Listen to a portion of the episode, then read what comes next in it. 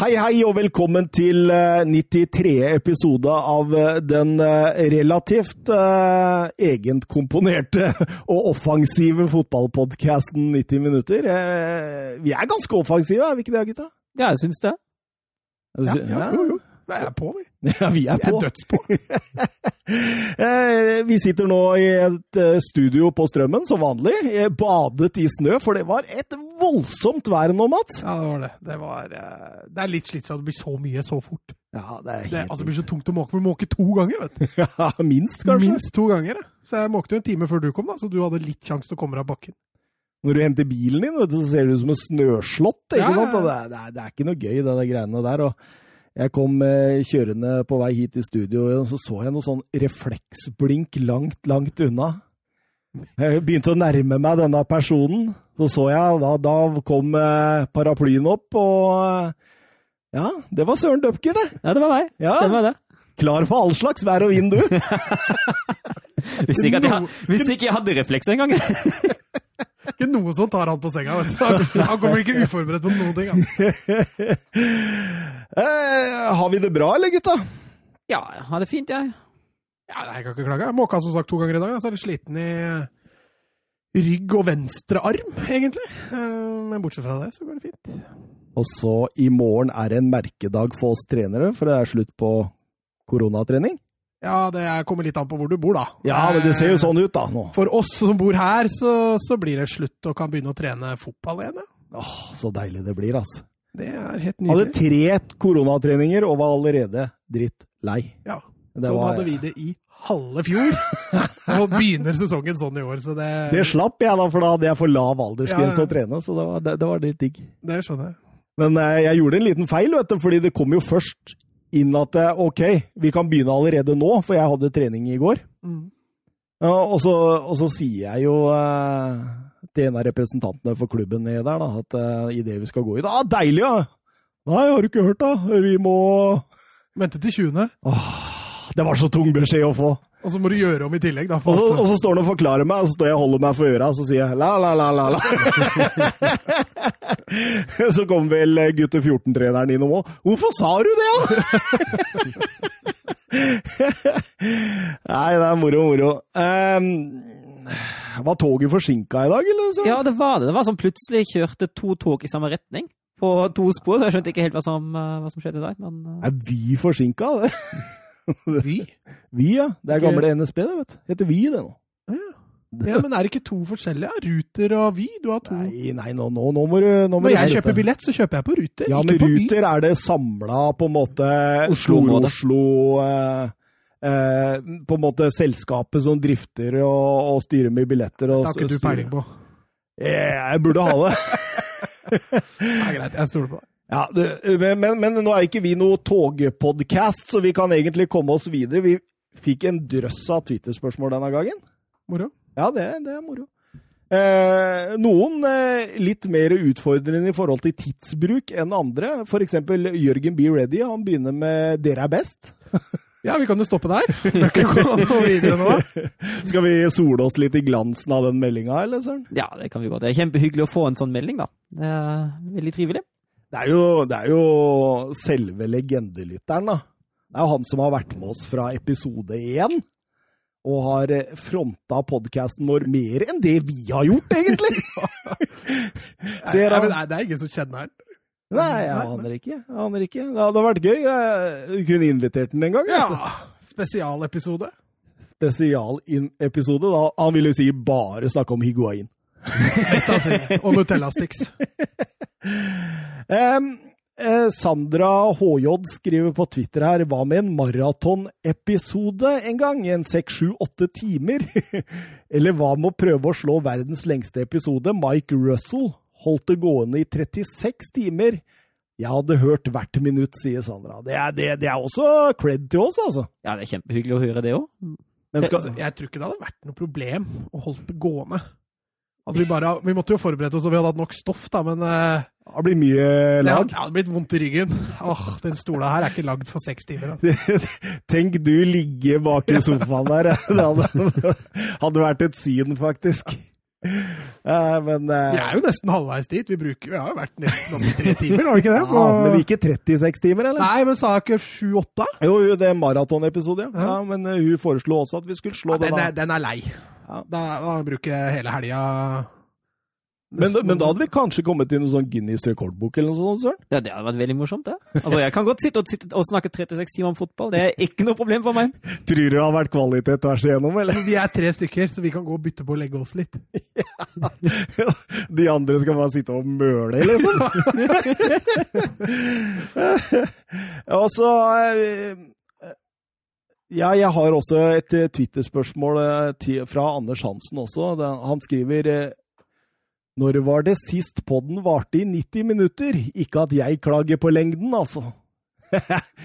Eh, For det var jo opprinnelig Ja, det var jo det som var planen. Ja. Både at en fotballkamp skulle vare så, vare så lenge, og så skulle podden liksom gjøre det, da. Ja, Det gikk absolutt. til helsike i første episode. Det var nesten tre timer, eller noe? var det ikke det? det gikk skikkelig å dundas. Og hvis vi går tilbake og hører den episoden nå, det er nesten flaut. Det er nesten flaut. Du hører at vi, dette er vi ikke vant til, dette er vi ikke komfortable med, og lyden er elendig! Det er litt ålreit å mimre med det òg. Ja, Du husker jo ikke kampene vi snakker om, men uh, bare det å høre på det er, det er spesielt. du ler deg i hjel, vet du. Bare, sa jeg det, gjorde jeg det, og nå hørtes jeg dum ut. Så, sånn, sånn er det jo egentlig hele tida der. Um, Anders Hansen, han uh, ber oss også om å gi Mats en god, varm klem. Eller et godt Mandalsnuss.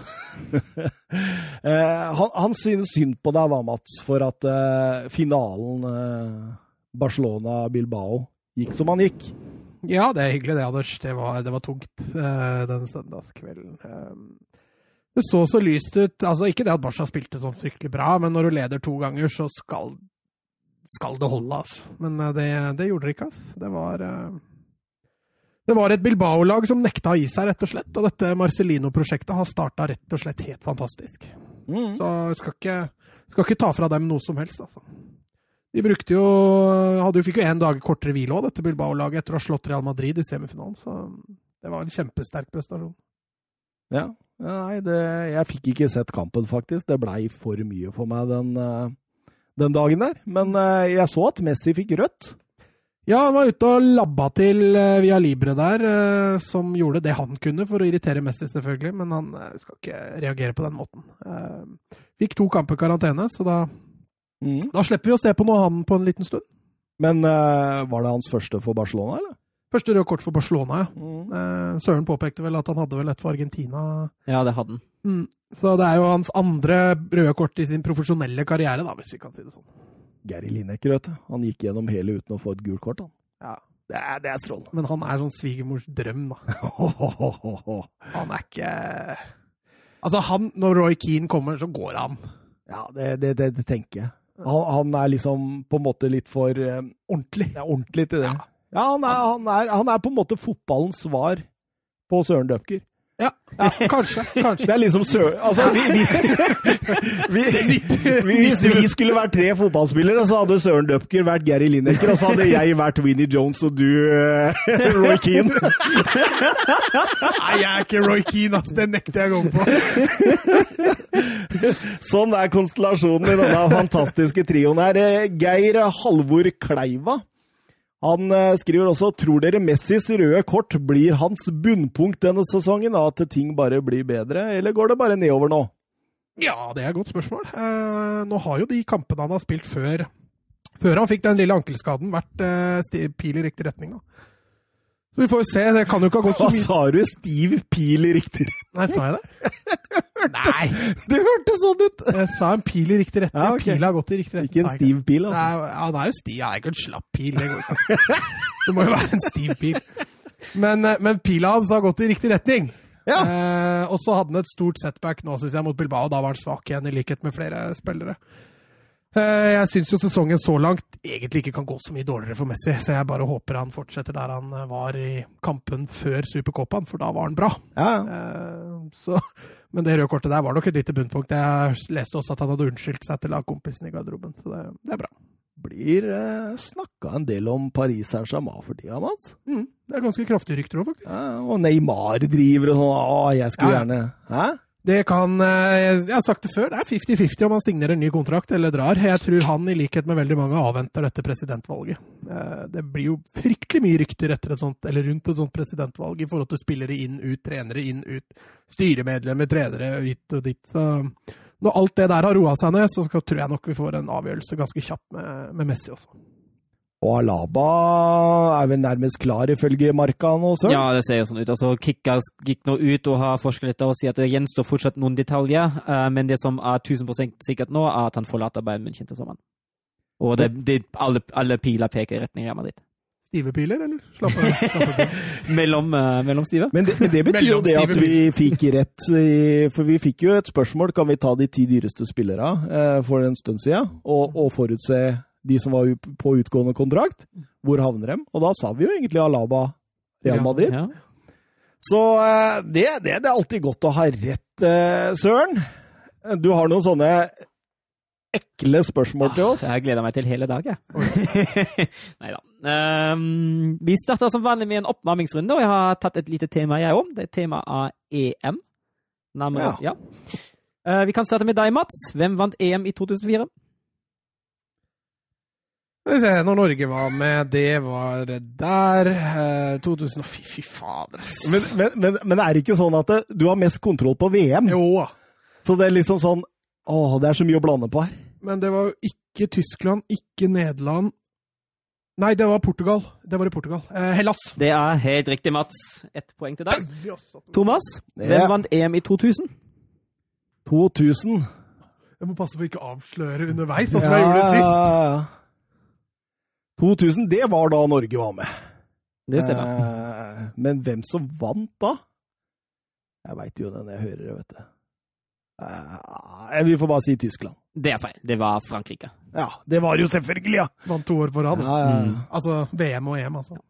Mats, i siste EM i 2016 røk Spania allerede i åttedelsfinalen. Mot hvem? 2016, ja. Var det når eh, Nei, det var i VM. Eh, Spania røyk i åttendels Åttendels, ja. i et EM. I et EM. Det finnes jo ikke åttendels i EM. Mm, ja, det var det Jo, EM det var det året det var. Åh. Ja, Ja, Hvem var de røyk mot der, da? Jeg bare tippe, da. Eh, Kroatia. det er feil. Det var Italia.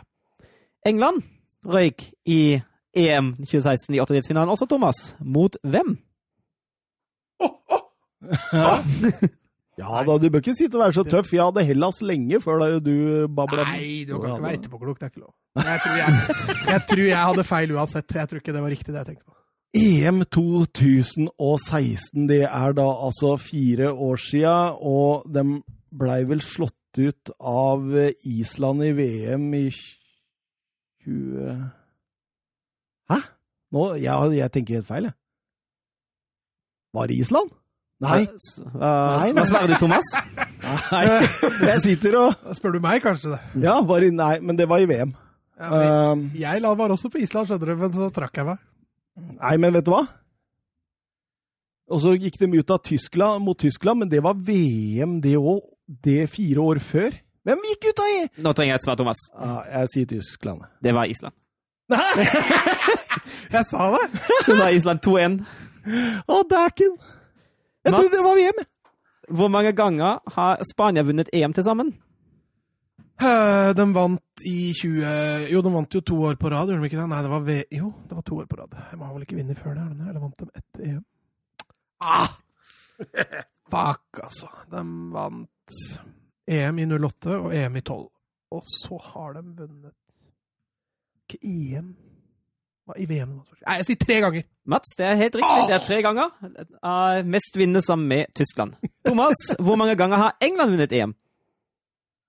EM, EM, EM. Jeg sier ingen. Det er også helt riktig, Thomas. Det er null for England så langt. Da vant Mats den første runden med 2-1, men jevnt var det. Da skal vi videre til våre vanlige spørsmål, og jeg skal nå fortelle en liten historie, og jeg vil vite hvem dette er. En storytell? Det er en storytale. Han er født 23. mars 1968 i Veles Malaga. Han startet sin fotballkarriere i den lokale klubben Veles, men i ungdomstida var han en kort periode innom naboklubben CD Malaga. Da fikk han imidlertid beskjed om at han ikke var god nok til å spille fotball på høyt nivå, og han returnerte veldig fort hjem igjen. Han kom seg likevel til La Liga, og i 1987 debuterte han for Real Valladolid. Defensivspilleren gjorde sakene sine bra, og i 1989 ble han kjøpt av Real Madrid. Da ble han fort en del av førsteelveren. I det samme året, altså i 1989, debuterte han også for det spanske landslaget. Han var med i Spanias VM-tropp i 1990, men uten å spille kamp. Ja, Åh. Jeg turte ikke å si det. Nei, det, det kan godt hende jeg er på sur, sur og rør her med Fernando Hierro. Thomas, det er sterkt, det er Fernando Hierro. 1-1. Det er ikke så mange kjente defensive. Helvete. Du, nå får vi sånn E, Mats. Nei, men det, jeg har sagt helvete er ikke banne, for det er et sted i Norge som heter det. Hvis jeg sier jeg skal dra til helvete, så betyr det oppe i Trøndelag der. Nå kommer det stemplere med. Kom igjen, Søren. Spørsmål tre. Hvem er regjerende cupmester i Italia? Åh, hvem var det igjen, da? Mats Ja, Lazio. det er feil. Nei, for det var Hvem var det, da? Å nei! Napoli. Det er helt riktig, Thomas. 2-1. Åh, takk. Nå går vi over til å svare annenhver gang. Og da er det sånn at jeg vil ha de 16 beste målskårerne i Premier League som fortsatt er aktive som spillere i Premier League. Og jeg ville egentlig ha 15, men eh, 16. plass er, eh, 15. plass er delt, så blir det 16. Og etter hva spillet dere nevner, kommer jeg til å si antall mål og antall plassen. Men, men, eh, men du skal du, Det må ikke være engelske. De trenger ikke være engelske, Mats. men de som fort... Ja, Uh, Aguero. det stemmer. Førsteplass 180. Ja, da blir jeg kjøre Harry Kane, da. Han er fortsatt aktiv. Andreplass 153 mål. Men du skal ha topp. Topp top 16 er fortsatt aktive. Ja, da må jo Sala være der. Sala er på syvendeplass med 88. Den var fiffig, Søren. Eh, for det er liksom sånn eh, fortsatt aktiv. Han kan være aktiv overalt, men eh, Men må, for, må spille i Premier League. han, må- han må spille i Premier League Må League spille i? Premier League, må være aktiv Ah. Premier League-spiller. Ok, ok. Så spillere som Lukako Lukaku er helt ute. Ja, ikke sant. Ikke sant. Jamie Wardy. Det er også helt riktig. Han ligger på tredjeplass med 114. Med 100 14. Ja, men da ligger sikkert Jeg går for Stirling, jeg. Det er også helt riktig. Han er på delt fjerdeplass med 90. Den er ikke så dum, den. Stirling. Eh, skal vi se Det er så fort gjort å gå i baret her, vet du. Mm. Det er så fort gjort å gå i baret. Men det er sikkert grisemange. Uh, det står helt stille nå. Å, så, og så har du det, og så Nei. Trenger du svar nå, eller, Søren? Veldig snart, ja. Du veit det er bra nå! Spør etter det. Ja, men denne, denne var veldig vanskelig. Um, for jeg kommer altså fordi du, det, det der er skillepunkter, hvis du skjønner. Hva, hvor lenge Sånne, sånne ting er veldig vanskelig. Du må sikkert ha et svar nå.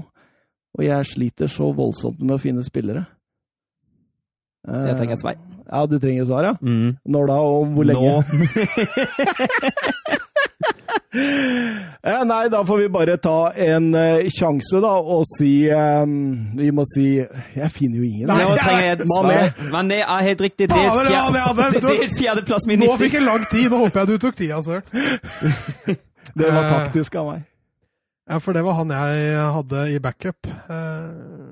Bruk denne tida til å tenke, vet du. ah, fader, altså. Eh, går det an å spørre hvor mange mål eh, 16.-plassen har? Ja, det, det til 15. plass har 55 begge to. 55. Ja. Uff a meg. Um, Og dere har nå tatt topp fem og syvendeplassen. ja, så vi har forholdt oss ganske Dere, er- dere er ganske høyt oppe, ja. ja, Da går jeg for Rashford. Rashford han er ikke med på den lista her. Eh, neste Neste min hadde vært Danny Ings. Ja, Danny. Ings er heller ikke med på lista. Son, er på 60, har tiendeplass 65. Eh, sjetteplass er Giroud. Så er det Walcott, Benteke, Sigurdsson, Firmino, Mares, Aubameyang, Lang og Milner. Firmino var et alternativ der. Men det er, det, ja, ikke sånn long, ikke sant? Mm. Det, var, det, var, det begynte å bli sånn, fordi du, du gikk gjennom laga, og så var det sånn der Jeg syns han var litt artig, fordi Og så var det sånn Men det, det er veldig mange som har kjøpt nye spillere bare to-tre år, og de kan jo ikke være der! Så blei det sånn Ja, men det var deilig. Men nå har dere svart tre riktige begge to, så jeg syns det er ett poeng hver. Ja. Nei, det er jo ikke sånn reglene har vært, da. Nei. Nei, det er jo ikke det. Nei, nei, da er det Thomas som tar poeng, da. Da var det Men jeg er enig i at det burde vært at Thomas, hvis Thomas klarer det nå, så får han poeng. ja, greit. Det er jeg egentlig enig i. Men uh, vi går til, uh, videre til Bundesliga, og så litt uh, Men, men, men, den- men, den- men den som svarer først, Ja, den- han får jo en fordel. Ja, det er jeg enig. Sant Jo, jo, men ja. Du velger jo å svare først. Ja. Enig. Nei, det blir poeng til Thomas 3 en high. Vi går videre til Bundesliga. Og litt toppskåra-ting der òg. Robert Lewandowski leder toppskårerliste i Tyskland med 21 mål. Erling Braut Haaland ligger på delt andreplass med 12 mål. Og unntatt Lewandowski og Haaland er det to flere spisser som har skåret tosifra antall mål så langt denne sesongen. Thomas. Mats. Ja, André Silva og Wout Weghorst. det er sterkt. Jeg ville bare ha én. Wout mot Vegard kunne jeg før, jeg, eh, før jeg kunne si det. Men eh, 4-1, Thomas. Nå er du on fire high. Ja, det, det kommer den kraftige nedturen. Spørsmål nummer seks. Siden Champions League ble Champions League i 92-93-sesongen, har lag fra de fire store ligaene, altså de ligaene vi følger, dominert. Men tre lag som ikke er fra de fire store, har klart å vinne siden 92-93. Hvilke tre? Og alle tre. Ja. Kan jo hinte litt underveis. Kan si at uh, ett lag er fra Portugal. Thomas. Ja. Får bare ta sjansen. Porto. Monaco. Nei, Porto. Ja, nå er det svart. Nå! Ja, nei, det, det, jeg røyk der, ja. Jeg gjorde det. Eh, Porto Jeg vil jo ikke si flere da, når du Å ja, ok. Nei, men Det- jeg, det var- det det det var- det var feil. Thomas. Ja, jeg veit. Jeg veit. Nei, det ene laget er jo Ajax, da. Um, Ajax, Porto Frankrike er en av de fem store? Nei. Fire store. Fire fire de vi følger. Så det, er jo- Ja, for Marseille har vel vunnet en gang, har de ikke det? Um, Sampdoria har de Nei, det er Italia. Nei, jeg sier Marseille, da. Hva, så blir svaret ditt, da? Ajax, Marseille og Porto. Det er helt riktig, Mats. Da er det det var Marseille jeg skulle ta. Ikke Monaco, ja. Ja. 4-2, og fortsatt alt åpent high. Vi skal gå videre til hvilken klubb er dette? Klubben oppsto av en fusjon, fusjon mellom to klubber i 1912, men den eldste av de klubbene som den har fusjonert seg til, da, den går tilbake til 1893. Klubben vant fem seriegull i Tyskland og spiller for øyeblikket i Bundesliga. Klubbens hjemmebane er Mercedes-Benz Arena. Philip Lahm, Jens Lehmann og Mauro Caromoranesi har spilt for klubben. Si det med ett spiller en gang til. Philip Lahm, Jens Lehmann og Mauro Camoranesi har spilt for klubben. Fy fader, det går. Den-. Eneste, ja, for meg. Den eneste nordmannen som har spilt for klubben, er Mohammed Thomas. Abdelaue. Ja, Stort kart. det er helt riktig, Thomas. Ja. Det verste er at jeg hadde de hjemmebanespørsmåla, så så jeg jo Mercedes-Benz stadion. Så tenkte jeg, hvor er jeg? At det går an. Da er det tre spørsmål igjen. 5-2. En er fortsatt mulig å ta uavgjort her. Optimismen er stor på Orsier nå, så det gjør Kun ni av 20 managere i Premier League er engelskmenn. Og topplassene domineres av lag med utenlandske managere. Men hvilken engelsk manager ligger for øyeblikket høyest i Premier League med sitt lag? Han er samtidig den eneste engelske manageren i øvre halvdel. Ja, Ja. Lampard. det er helt riktig, Mats. Det er Frank Lampert. Han ligger på syvendeplass. Og da skal vi fram til en spiller med klubbene i kronologisk rekkefølge. Hvem er dette?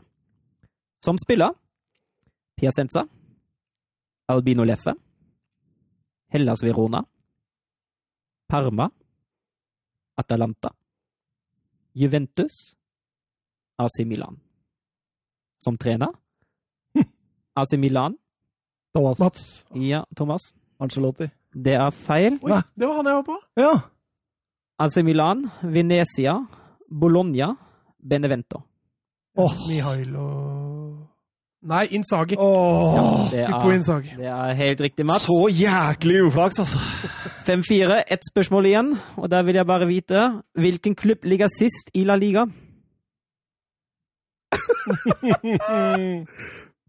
Å, nå var jeg gjennom alle. Eh, Mats! Ja, Huesca. det er altså helt riktig, Mats. Da er det 5-5. 5-5.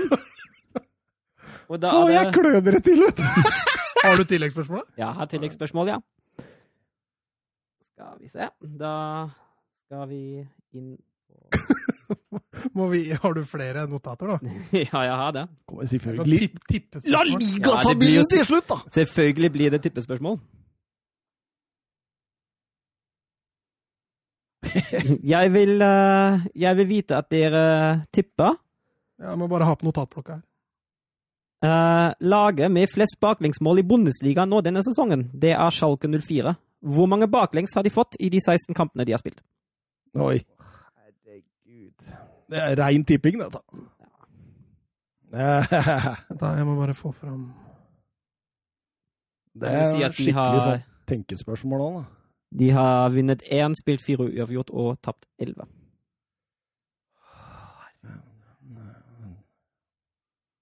Ja, jeg tipper det. Den er grei, Mats. Oi, oi, oi. Det er vanskelig, altså. Jeg tipper det. Da tipper Mats 41, og Thomas tipper 47. Oh. riktig resultat 45, så er sikkert 45. det er 42, så eh, Oi, Mats oi, oi, vinner oi. på tampen her. På overtid. Nei, det hadde jeg ikke trodd. Nei, det er bare å si at dette her er eh, Det er ikke det, er, det er ikke meant to be, så det er greit. Men Ja, ja. vi har brukt 26 minutter, så vi bare kjører på. Kjør intro.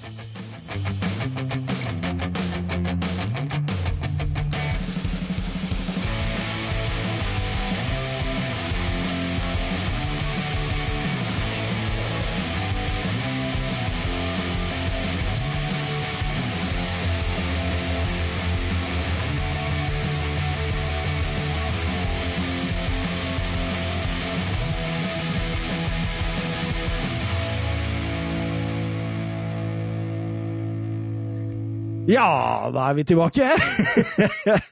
og vi går rett over til eh, Fulham mot eh, Chelsea. Det var et Fulham-lag som nekter å tape eh, for tida. Altså, man har ikke bedre tapt- ja, har ikke tapt siden 5. desember, Mats.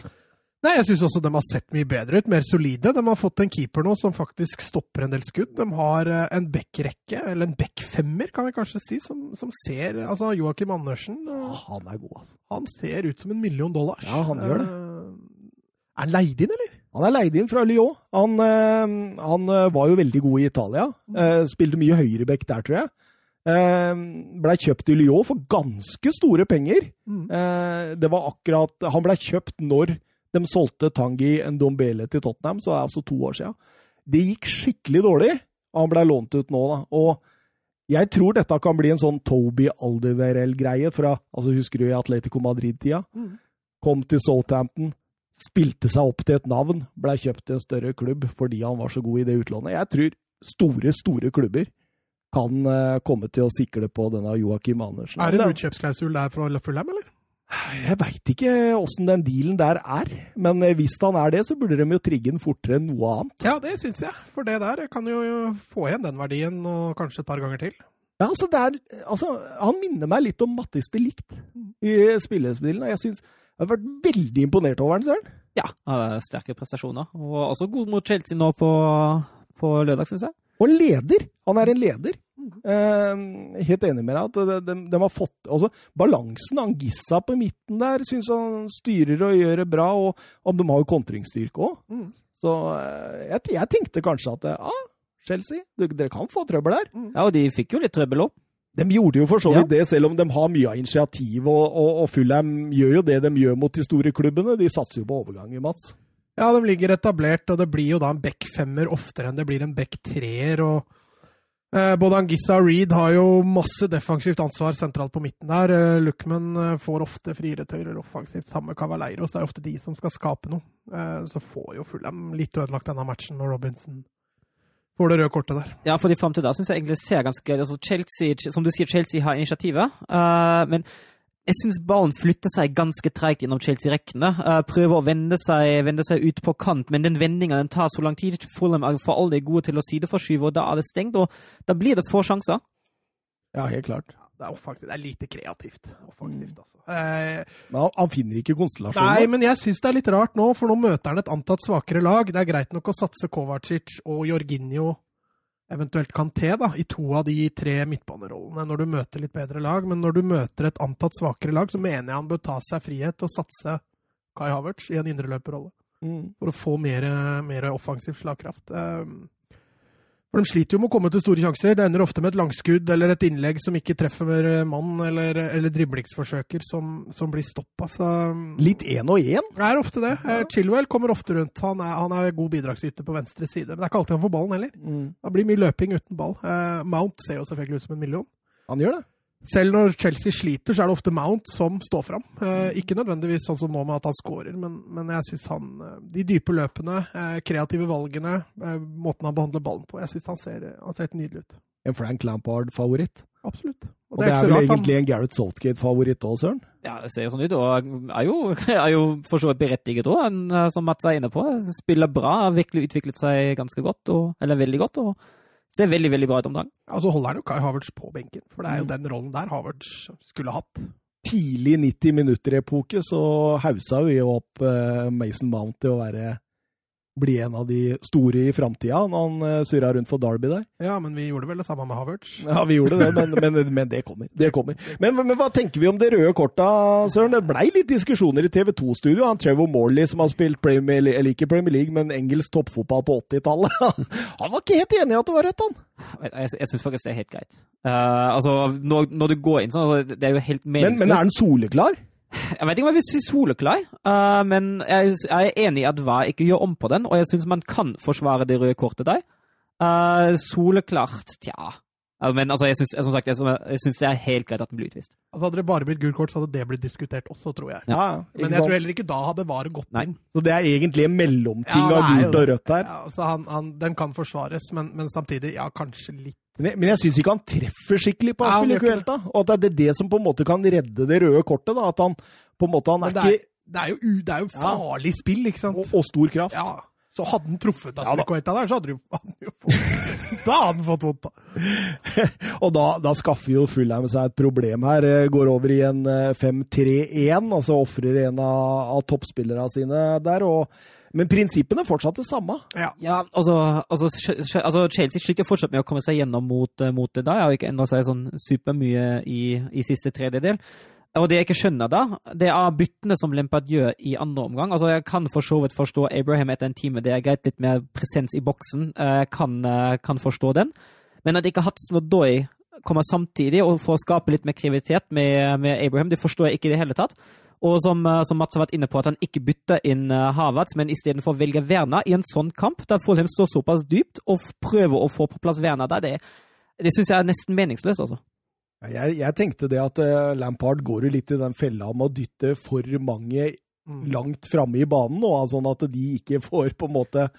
Nok å jobbe på. Men du har jo vært inne på det før, at uh, det skinner litt igjennom med Lampard i forhold til de taktiske vurderingene. In game management. Uh, han gjør noen feilvurderinger innimellom. Syns vi, da. Nei, jeg sitter jo ikke vi noe med noe fasit heller, på en måte, men det er et par valg han tar underveis der som, som sliter med å rettferdiggjøre. Altså. Men likevel, det går bra, for han har en Mason Mount i kjempeform. Ja, og han timer Han kommer inn i boks i riktig tid der, og litt uh, svakt keeperspill. Ja, det er Mm, Areola. kan vi- Det kan si ikke det? et vanlig Areola, det. Nei, han har jo stått og vært en, uh, vært en matchvinner for Fulham, men, men der mener jeg han feilberegner litt. Uh, og Mount får sånn sett en enkel jobb med å trille inn Men det er de dype løpene til Mount, da. Han er ofte i de posisjonene, så hvis keeper eller forsvarsspiller gjør noe feil der, så er han på plass. Altså. Det er litt Lampard over den. Det er det. Bare få- Lampard var. Lampard skåra jo fryktelig mange mål, da, så han har litt å ta igjen. Timo Werner, en gedigen der på overtid. eh, Altså, og da kommer jo spørsmålet fra Sander Midtstuen. Når skal det lykkes for Werner? Eh, Hvis dere skulle gitt Lampard ett råd, hva ville det vært? Jeg tror kanskje jeg hadde, hadde sett litt mer på Uh, og få litt mer variabilitet i det offensive spillet og finne, finne situasjoner og posisjoner. Uh, da de enkelte spillertypene han har, med de mye kvalitetene han har i det offensive spillet, uh, finner seg godt til rette. Rett og slett. Eh, For det akkurat nå eh, Det blir veldig mye av det samme rundt på kant, inn i boksen, og så er vi ferdig med det. Det, ja. det er det. Ja, så tror jeg nok eh, Jeg har vært inne på det før. Chelsea spiller ofte Lamp Werner dårlig, eh, med mye innlegg og sånne ting. Men det viktigste av alt er at han får spilletid. Hvis han skal inn siste kvarteret i hver kamp framover, så kan det ta fryktelig lang tid før det løsner. Altså. Han, Ja, ja, ja. han må få spilletid. Hvis ikke så kommer det aldri til å løsne. Altså, han er vant til å spille en eh, 4-2-2-2 som én av to spisser. Én fysisk, og han ved siden av som løper litt rundt og jakter bakrom. Eh, eh, ny spillestil, ny måte å på en måte spille opp på i forhold til i, i Leipzig. En, et nytt land, en ny kultur, eh, nye lagkompiser. Altså, har, altså, har vi ikke lært, tenker jeg nå. Gang på gang på gang så ser vi at dette kan ta tid, opp mot et år. Se på en Dombele i Tottenham nå. Dette kan ta tid. Eh, Timo Werner blir en suksess i Chelsea etter hvert. Jeg er helt sikker. Jeg er helt sikker. Ja, jeg tror du ikke det kan være litt avgjørende de neste månedene hva som skjer, hvis dette her skulle fortsette? Ja, ja men altså eh, Han vil, han vil alltid han skåre godt med mål, tror jeg, etter hvert, Ja, når han bare han først kommer inn Han i har vel det. skåret ett mål på de siste tolv kampene. Ja, Han hadde en i cupen her, da. Ja, det var det målet jeg sa. det var det, ja. Så ja, han, han ligger jo ikke veldig Altså Hvis dette her skulle fortsette, da, eh, og han ender opp med å kun få siste kvarteret i hver kamp, så Mm. kan det hende at det stopper opp med bare Ja. fire-fem mål til i løpet av sesongen. Men, jeg, men jeg, jeg, jeg tror det var en hvil. Jeg tror han er tilbake neste og ja, Det får vi vite kanskje allerede nå. Kanskje, kanskje vi, vi sitter jo faktisk på startsoppstillingen mellom eh, Chelsea og eh, Leicester i dag. Så da kan vi jo se om han eh, er inne i laget eller ei. Ja, men det, Jo, det har kommet. Ja, han er ikke inne i laget. Han er ikke inne i laget. Han er faktisk Oi, oi, oi. Hudson er- går inn og starter. Men jeg, jeg, jeg forandrer ikke standpunkt av den grunn. Jeg tror han blir en stor suksess, og det tror jeg også med Kai Havertz. Jeg tror den trenger tid. Mm. Starta Havertz, eller? Skal vi inn og se på det òg? Ja, men han også er Jo, han starter. Ja. Nå har han kjørt sånn som jeg sier. Kovacic sentralt og Havertz og Mount på indreløpere. Men nå møter han Leicester borte, da, så den uh, skal bli spennende å se hvordan det slår ut.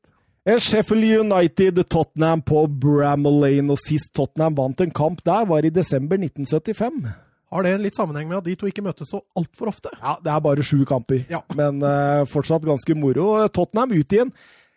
Har en slags 3-4-3 der. eh, skulle ut og dominere, og det gjorde de jo til gangs fra start av. Han har begynt å også eksperimentere litt med både Davies og Regilon Mm. samtidig på banen. Eh, Davies som en slags tredje stopper. Og det starta jo fyrverkeri, det. Ja, det gjorde det, for Serge Aurier han ordner 1-0 etter bare fire minutter. eh, Stiger opp på en cornerson innover skrudd førstestolpe der, og, og får vel ganske lette vilkår der. Ja, du møter et ganske fysisk robust lag, og så skal lille Serge Aurier opp der. Altså, det må jo være et så slag i trynet for uh, Må jo være et så slag i trynet for Chris Wilder der, som kan all Matchplanene hans må jo bare kastes og så begynne på nytt. Går det bare tre minutter, så er Son en i stolpen, søren, og da, da, da lever Sheffield United farlig. Ja, de gjør det, og da, da har man jo kanskje et Du nevnte jo før, før sendingen at man tror jo kanskje at dette blir en, eh, blir en ganske ensidig kamp. Og, Ja, det var jo det. Og, men, men så plutselig, altså Det er ikke det at Sheffield United tar over, men det ser ut som nå at det nå, ok, nå roer det seg. Og så går man inn i en sånn her stillingskrig hvor ingen av laga får de helt store sjansene, egentlig, fram til Kanes 0-2. Og det er jo knapt nok en stor sjanse. Det er en klasseavslutning fra 18-19 meter, vel. Det er vel under press både forfra og bakfra der, så at han i det hele tatt får et såpass bra skudd, det, det er godt gjort. Nydelig vending der, men nydelig også gjenvinningsspill av Son og Høibjerg i forkant der, som vinner høyt. Og I den perioden der så sleit jo Sheffield United voldsomt med å spille seg ut, og hadde en del sånne farlige brudd som Tottenham kunne utnytta mye bedre enn det de egentlig gjorde. Mm. Eh, Fikk ett mål, kunne fort ha to-tre der med litt mer is i magen, men, men uh, går til pause med 0-2, og man tenker jo at eh, vet du hva, dette er her dette går veldig greit. Og så, og så går kampen i, første, nei, i andre omgang inn på litt av det samme sporet, den der midtveisperioden, hvor ingen av laga klarer å og, og så tenker du at ja, ja, de har jo kontroll, og så plutselig, da, så kommer Dave McGoldrick, eh, får et innlegg der og stanger den inn. Mm. Eh, Jeg spurte deg jo før podkasten om var du nervøs, eller? og det var jeg jo selvfølgelig. Jeg var fryktelig nervøs, fordi dette her har man jo sett før. Det har begynt å bli en trend. Det er rett og slett en trend. Eh, Jeg tror vi også har et spørsmål om det på Twitter, stilt av godeste Jonathan Hobber. Og han eh, spør oss følgende. Er Thomas bekymret for at Tottenham har en tendens til å falle litt sammen i perioder i annenomgangene, Hvorfor skjer det? Hørte Harry Kane og Høibjerg var klar på at Mourinho ikke ber dem senke seg, så hva er det da? Og da tenkte jeg OK, hvis Mourinho ikke ber dem senke seg, så må det jo være to ting, da. For det, altså, kvaliteten på spillere faller jo ikke I fra en løpet, i løpet av 90 minutter. Ja, ikke sant? Så da er det jo enten fysisk, fysisk, fysisk, eller så er det mentalt. Eller så er det en blanding av de to. Altså, det er, som, som du var litt inne på, Sheffield United spiller kanskje én kamp i uka. Maks to hvis det liksom har en sånn midtukekamp å ta igjen og en FA Cup-kamp. Veldig få kamper. Tottenham spiller mange. Det, det kan være et resultat av det. Det er, det er vanskelig å si. Jeg, jeg tror det sitter litt mentalt. Det er smellende mot Newcastle på slutten der. Westham. Ja, ikke sant? At det, dette, og, og, og når du gjentar dette gang på gang altså Du må komme deg ut av det før dette er her, på en måte. Fordi jeg tror Og, og Høibjerg sa det i det intervjuet han refererer til her, at eh, vi blir litt engstelige. Mm. Vi blir litt sånn Oi, hva, hva, hva skjer nå? Jeg, jeg kikka litt på noen tall her også. De har jo den Fulham-kampen, 1-1. Der skjedde det jo det, nå nylig. Akkurat det samme. At man mister initiativet, og så kommer motstanderen og tar over, og så blir det poengtap. Wolverhampton, som du var inne på, Mats. Crystal Palace før det. Mm. Eh, Westham-kampen der, og, og Newcastle-kampen. Og Nå er jo de to litt for seg sjøl, for Newcastle-kampen hadde de jo god kontroll, og så får de det utilgivelige straffesparket mot seg når Dyer henser der. Mm. Og, og Westham, det er jo sånn som skjer én av 500 ganger. Det bare skjer. Men, men så tenker jeg så jæklig surt òg, vet du, fordi det er ti tapte poeng. Ti tapte poeng, og det betyr at eh, Tottenham med Hadde vi, hadde vi klart å rodd I hvert fall halvparten av dem, og da så hadde dere fått fem poeng til. Ja, ikke sant? Og da hadde vi ligget ved siden av Manchester United. Mm. Og hvis vi hadde klart å rodd alle inn, så hadde vi faktisk ligget ganske suverene i, Ja. i toppen der. Og sånn som Premier League-tabellen og Premier League er nå, da. Hvert eneste poeng kommer til å telle, både Champions League-plasser når det skal deles ut, og, og ikke minst seriegull, selv om det ene laget begynner å skille seg litt ut. Så så tror jeg nok hvert eneste poeng blir viktig, i hvert fall med tanke på Champions League. Og dette kan bli Tottenhams bane, faktisk. Hvis det, hvis det på en måte går utafor eh, topp fire her nå, så er det det som er grunnen, tror jeg. Men, men det skjedde ikke i denne kampen, for eh, Søren eh, Tangai Ndombele, han Få en, altså, få en scoring. Uh, altså, både det samspillet med regionen i forkant, det er jo godt, det òg. men avslutninga, det er, det er klasse.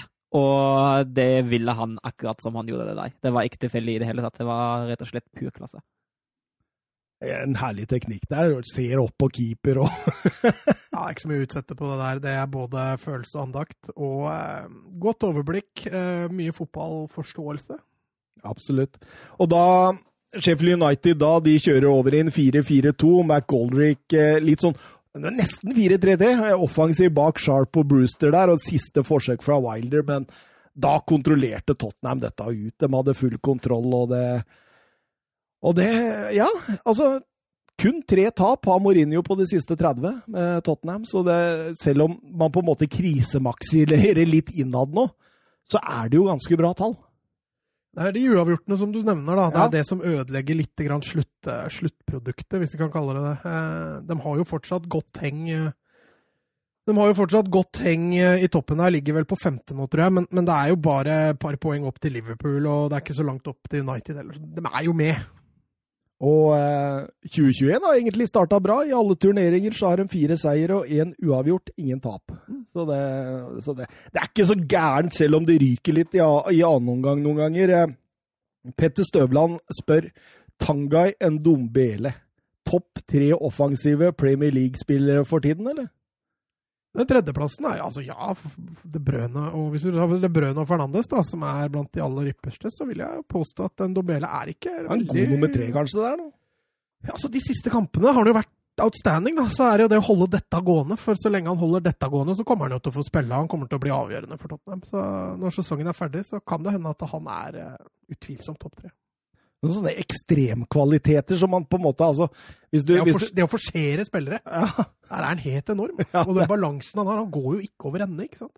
Nei, han er helt Altså, eh, Fernandes ville jo antageligvis brukket beinet i flere av de duellene. De er litt forskjellige typer, ja. Ja, Ja, absolutt. det er litt mer tank på en Dombele. Bruno Fernandes, en gaselle på savannen, mens eh, Flodhesten som flodhesten som vader i gjørma ved siden av. samtidig like grasshest. Eh, Vi går over til hovedkampen Liverpool-Manchester United. Det var det 233. oppgjøret mellom gigantene. Relativt jevnt historisk. Eh, Liverpool ca. ti seire mer enn Manchester United. eh, Men i nyere tid så er United lite overtak eh, på Liverpool. Tilsvarende sist sesong endte 2-0 til Liverpool. Virgil van Dijk og Mohammed Salah var målskårere. Og det, det blei litt kjekling før kampen mellom Klopp og, og Solskjær der. Solskjær. Det er vanskelig å ta han seriøst. Når Klopp kommer liksom med de kommer som Klopp kommer Solskjær.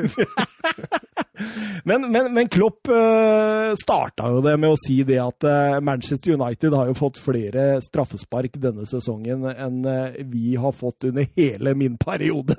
altså for å dra litt uh, Men han har jo et Det er jo det som var poenget hans. At, eh, og, og det er jo et mentalt spill overfor dommeren, tenker jeg da. Ja, det er jo det. Det er jo gjerne, altså de, de sier jo gjerne ting fordi det, er- altså med en grunn. Uh, akkurat som uh, Solskjær prøvde å gi favorittstempelet til Liverpool ganske tydelig og tidlig på den pressekonferensen pressekonferansen før kampen. Uh, som du sier, han har nok veldig mye å si for dommerens oppfattelse av, uh, av spillet. Ja, ja, absolutt. Absolutt. Og ja, er du enig med Klopp, eller tenker du at eh, nå dette er bare svada, Mats? Nei, ja, dette er bare svada fra Klopp. Han, eh, han er ute etter å skape en reaksjon, og som du sier, sikkert sier i forhold til eh, dommeren, at eh, han skal ha en mental greie inn der, men det at United altså vi har vært innom det, United har fått fryktelig mye billige straffespark kontra veldig mange andre, men jeg tror ikke Klopp sitter hjemme og gråter i senga fordi United får mye. Så det der var bare et spill. Ja, dessuten så er det liksom det, er- det er jo først nå Manchester United har blitt en sånn skikkelig Altså, Manchester United har jo aldri vært en rival for Klopp, sånn egentlig. Nei, mens han har vært i Liverpool, ja. Ja. Så, så det er jo først nå han kjenner på denne maskinen Manchester United som, som kan komme, da. Som storklubben som på en måte Altså, bare navnet får det sikkert til å grøsse litt på ryggen hos noen og enhver. Det, er jo- det er jo en gigant i europeisk målestokk, så det er klart det at det, er, Det kan godt hende Klopp kjenner litt på det. Men det er jo også litt uvanlig, da. Altså, laget som leder Premier League nå, snart halvveis, altså, har avgitt poeng i sju kamper i år. Eh, De har bare vunnet elleve. Altså, de bare, ja, det er ikke dårlig, det, altså. Men hvis du tar Liverpool og City de to foregående åra, så ville jo United antakeligvis allerede vært sju-åtte poeng bak. da. Korona-season. Ja, det er koronaseason, og det, det tjener jo United med flere på. Ja, absolutt. Absolutt. I hvert fall i forhold til tabellplassering. Eh, La vi merke til noe ved lagene, annet enn at Liverpool spilte ikke med midtstopper, holdt jeg kan jo nevne at Shakiri kom inn i en indreløperrolle. Det, er- det er jo uvanlig. Det har man ikke sett så ofte før. Ikke helt fit, så så det ut som. Nei, og du så det utover andre gang òg. Når det gjelder United, så Hva skal vi si, han eksperimenterte litt. Eh, Rashford fikk jo nierplassen igjen. Den har vi vært innom før, at der hører han ikke hjemme i det hele tatt. Eh, Nei, det er ingen som hører igjen med det. Nei, bare, bare Cavani. Cavani er jo Men også dytter han Pogba ut høyre i Altså, han har hatt den frie venstrekantrollen før. Nå fikk han en fri høyrekantrolle, så Mm. det var vel det det var verdt å nevne fra United. Absolutt. Eh, Fortsatte med det samme forsvaret der. Og uh, han Luke Shaw han har virkelig plukka opp hansken etter at uh, denne Portobekken Telles kom inn. Litt overraska også over Bailly, for han har vært bra, altså. Ja, han sverger Han ikke- til Lindeløf Han når det sverger til virkelig Lindeløf, ja. ja. Når det gjelder. Eh, første omgang eh, raskt Liverpool-initiativ der, uten å produsere noe voldsomt store sjanser. Ja, altså jeg må si mellom 7-8 minutter og til sånn ca. 25 minutter, så er det jo fullstendig dominans. Altså United ser jo helt panisk ut hver gang de har, eh, har ballen. Eh, det de over, åpenbart skulle, var jo å kontre dette Liverpool-laget i senk i starten. De prøver også å variere presset sitt litt, uten at det fungerer i det hele tatt. Men når United har mulighet til å kontre, så er det presspillet til Liverpool så ekstremt bra. Altså. Her er, eh, det er den beste perioden til Liverpool i hele matchen. Men så blir de litt for dype, sånn at eh, de har ikke kontringspunkter framover i banen, og Men- da blir det et vedvarende press. Men du ser også når United-spillere får ball. Altså, De titter opp, de står på stedet hvil. De får ikke flytta ballen noen verken bakover eller framover eller hitover eller ditover. og Du ser også initiativene som går framover når United vinner ball. Det er så halvhjerta. Mm. Det er ikke noe trøkk i det, det er ikke noe vilje i det. og er Nei, det er jo som sier, det vanskelig å komme seg ut. Altså. det fantes jo gode nok muligheter, eksempel bak de høye bekkene til Liverpool. Der var det jo mye rom. Da kunne man ha støtt inn. Jo, men da måtte de ha juksa litt, da. Da måtte jo Martial eller Pogba ha sluppet seg opp. Du så Pogba hadde jo åpenbart tydelige defensive eh, instruksjoner. Så han skulle liksom Det var Martial og Rashford det første og fremst skulle kontres med. Men du, Martial også, han skal ha kred for at han tok de defensive løpa, men det gjorde at han han ble jo ikke noe kontringspunkt. Nei, ikke sant. Det mangla det, for den ble altfor dype. Og det, det, det prega Manchester United, i hvert fall de første halvtimen. Og her ser vi også Rashford sin utfordring. da. Han blir også altfor møtende som midtspiss. Mm. Han har et par i bakrom der som han blir avblåst for offside, men det er veldig ofte at når United vinner ball, så kommer han dypt for å hente. Og det funker ikke når det skal kontra. Manchester Uniteds eneste sjanse i første omgang, det er jo frisparket til Fernandes. Ja, Det er nære òg, da. Det er nære. Fy, Ja, det var bra. Det er en nydelig slått frispark. Ellers er det jo Liverpool, men det er aldri de helt store sjansene. Kanskje Firmino sin eh, Ja, rett den er etterpå der. Er, Ja, den er- den er det største Ja. de har. Og da har de et par blokkeringer i United i, i egen boks der som er fantastisk. Og så ender ofte ballen opp med å trille inntil De Gea. Mm. Det blir liksom ikke den ordentlige clear chance. Nei, og så altså, jo, sliter jo litt med presisjon i siste tredjedel av Liverpool. fordi altså, Det de gjør bra, de angriper via høyresiden, og så blir det en god vending ut mot venstre når United står ganske smalt. Det er så Eh, typisk Klopp, altså. ja, det er det. Uh, men Robertson han hadde jo ikke dagen i det hele tatt i det offensive spillet. Han kom i veldig gode posisjoner til å slå ballen inn. Men, Ja, eh, Tilstedeværelsen hans var bra. jo, jo, jo, men det han gjorde med Ja, ballen ja, i det siste tredjedel avgjørende der var Ja. jo Men så må det jo sies at Lindeløf og, og MacGyver de, de, hadde, de hadde bra kontroll der, altså, for de ble ikke satt på de prøvene de burde blitt satt på i forhold til tempo. MacGyver! Nils Jansheim? Nei, jeg husker ikke hvem det var. Nei, du husker du legger ikke skylda på noen. Eh, men men eh, det, det tenkte jeg på underveis der, fordi det, det er så klar klopp under Liverpool, det der, der med at eh, Trent Alexander Arnold har ballen, og så kommer den vendinga ut mot Robertson. og det, det, var noe man la veldig mye merke til i Dortmund i sin tid, og under Favre. At det var veldig Når Dortmund var på sitt beste, at de klarte å gjøre akkurat det når de hadde Hakimi og Guerreiro. Mm. Så, eh, så Og det, det Altså, Liverpool for i fjor kunne jo ha straffa United med 2-0, 3-0 allerede her, egentlig. Men, men det er som du sier, det, det mangler. Det lugger spesielt inni 16-meteren, for du ser dem har fortsatt den spillvendingsdelen. Det går hurtig. Eh, Gegenpresset, det høye gjenvinningspresset til Liverpool, er fortsatt meget bra. I hvert fall i den perioden vi er i nå.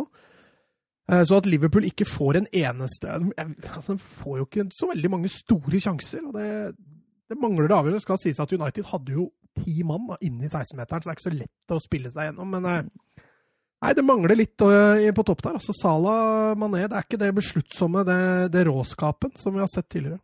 Få justert litt dette mot slutten av omgangen. Mm. United, ja. Ja. Ja. Mm.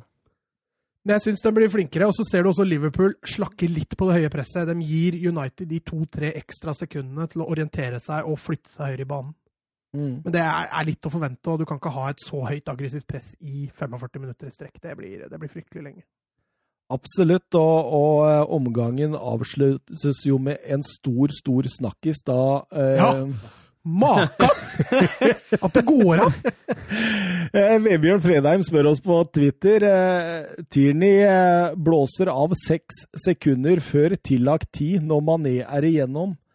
Samme dommer som har gitt en del billig straffespark til United de siste sesongene. Hva tenker panelet? Jeg tenker, altså Først og fremst tenker jeg at det er en fryktelig dårlig avgjørelse å ta. Uh, går ikke an å ha så lite spillforståelse som en fotballdommer, egentlig. Det skal ikke gå an. Uh, om det ligger noe mer bak det, det Nei, det er er altfor naiv. Jeg er alt for naiv Men jeg, jeg er jo Men- kanskje den største Ja, konspirasjonsteoretikeren er- av oss alle. i hvert fall mot Men- men- United. Ja, men jeg tenker her at eh, Altså, jeg ser klart at eh, Maguire og Lindeløf stopper opp, ja, at den ikke hadde blitt så stor, faktisk. Fordi han blåser jo i det oppspillet går, og da ser du i hvert fall Maguire gi seg, og, og Lindeløf på en måte løper ned. Jeg tror ikke den hadde vært uh, gjennom. Jeg, jeg syns fortsatt ikke du skal blåse deg. Du skal Nei, vente til pass. Nei, det er- helt. Altså, tillagt tid er minimum. Ja. Du skal ikke blåse seks sekunder før den minimum Ja, I hvert fall ikke når det kommer en potensiell farlig, nei, altså, hadde jeg vært Liverpool, så hadde jeg vært i harnisk, altså.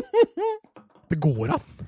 Men vi går til 0-0 til pause, og eh, ja, du kan jo si at de første fem minuttene i hvert fall, så blir det et Liverpool-trykk i annen omgang der også, før det justeres litt igjen. og og, og egentlig går inn i en sånn fase der ingen av lagene helt klarer å ta initiativ, egentlig. Nei uh, United har jo som, mye ball, men Jo, og, men som, som, du har vært inne på, uh, United har justert seg litt bedre. De står litt høyere nå.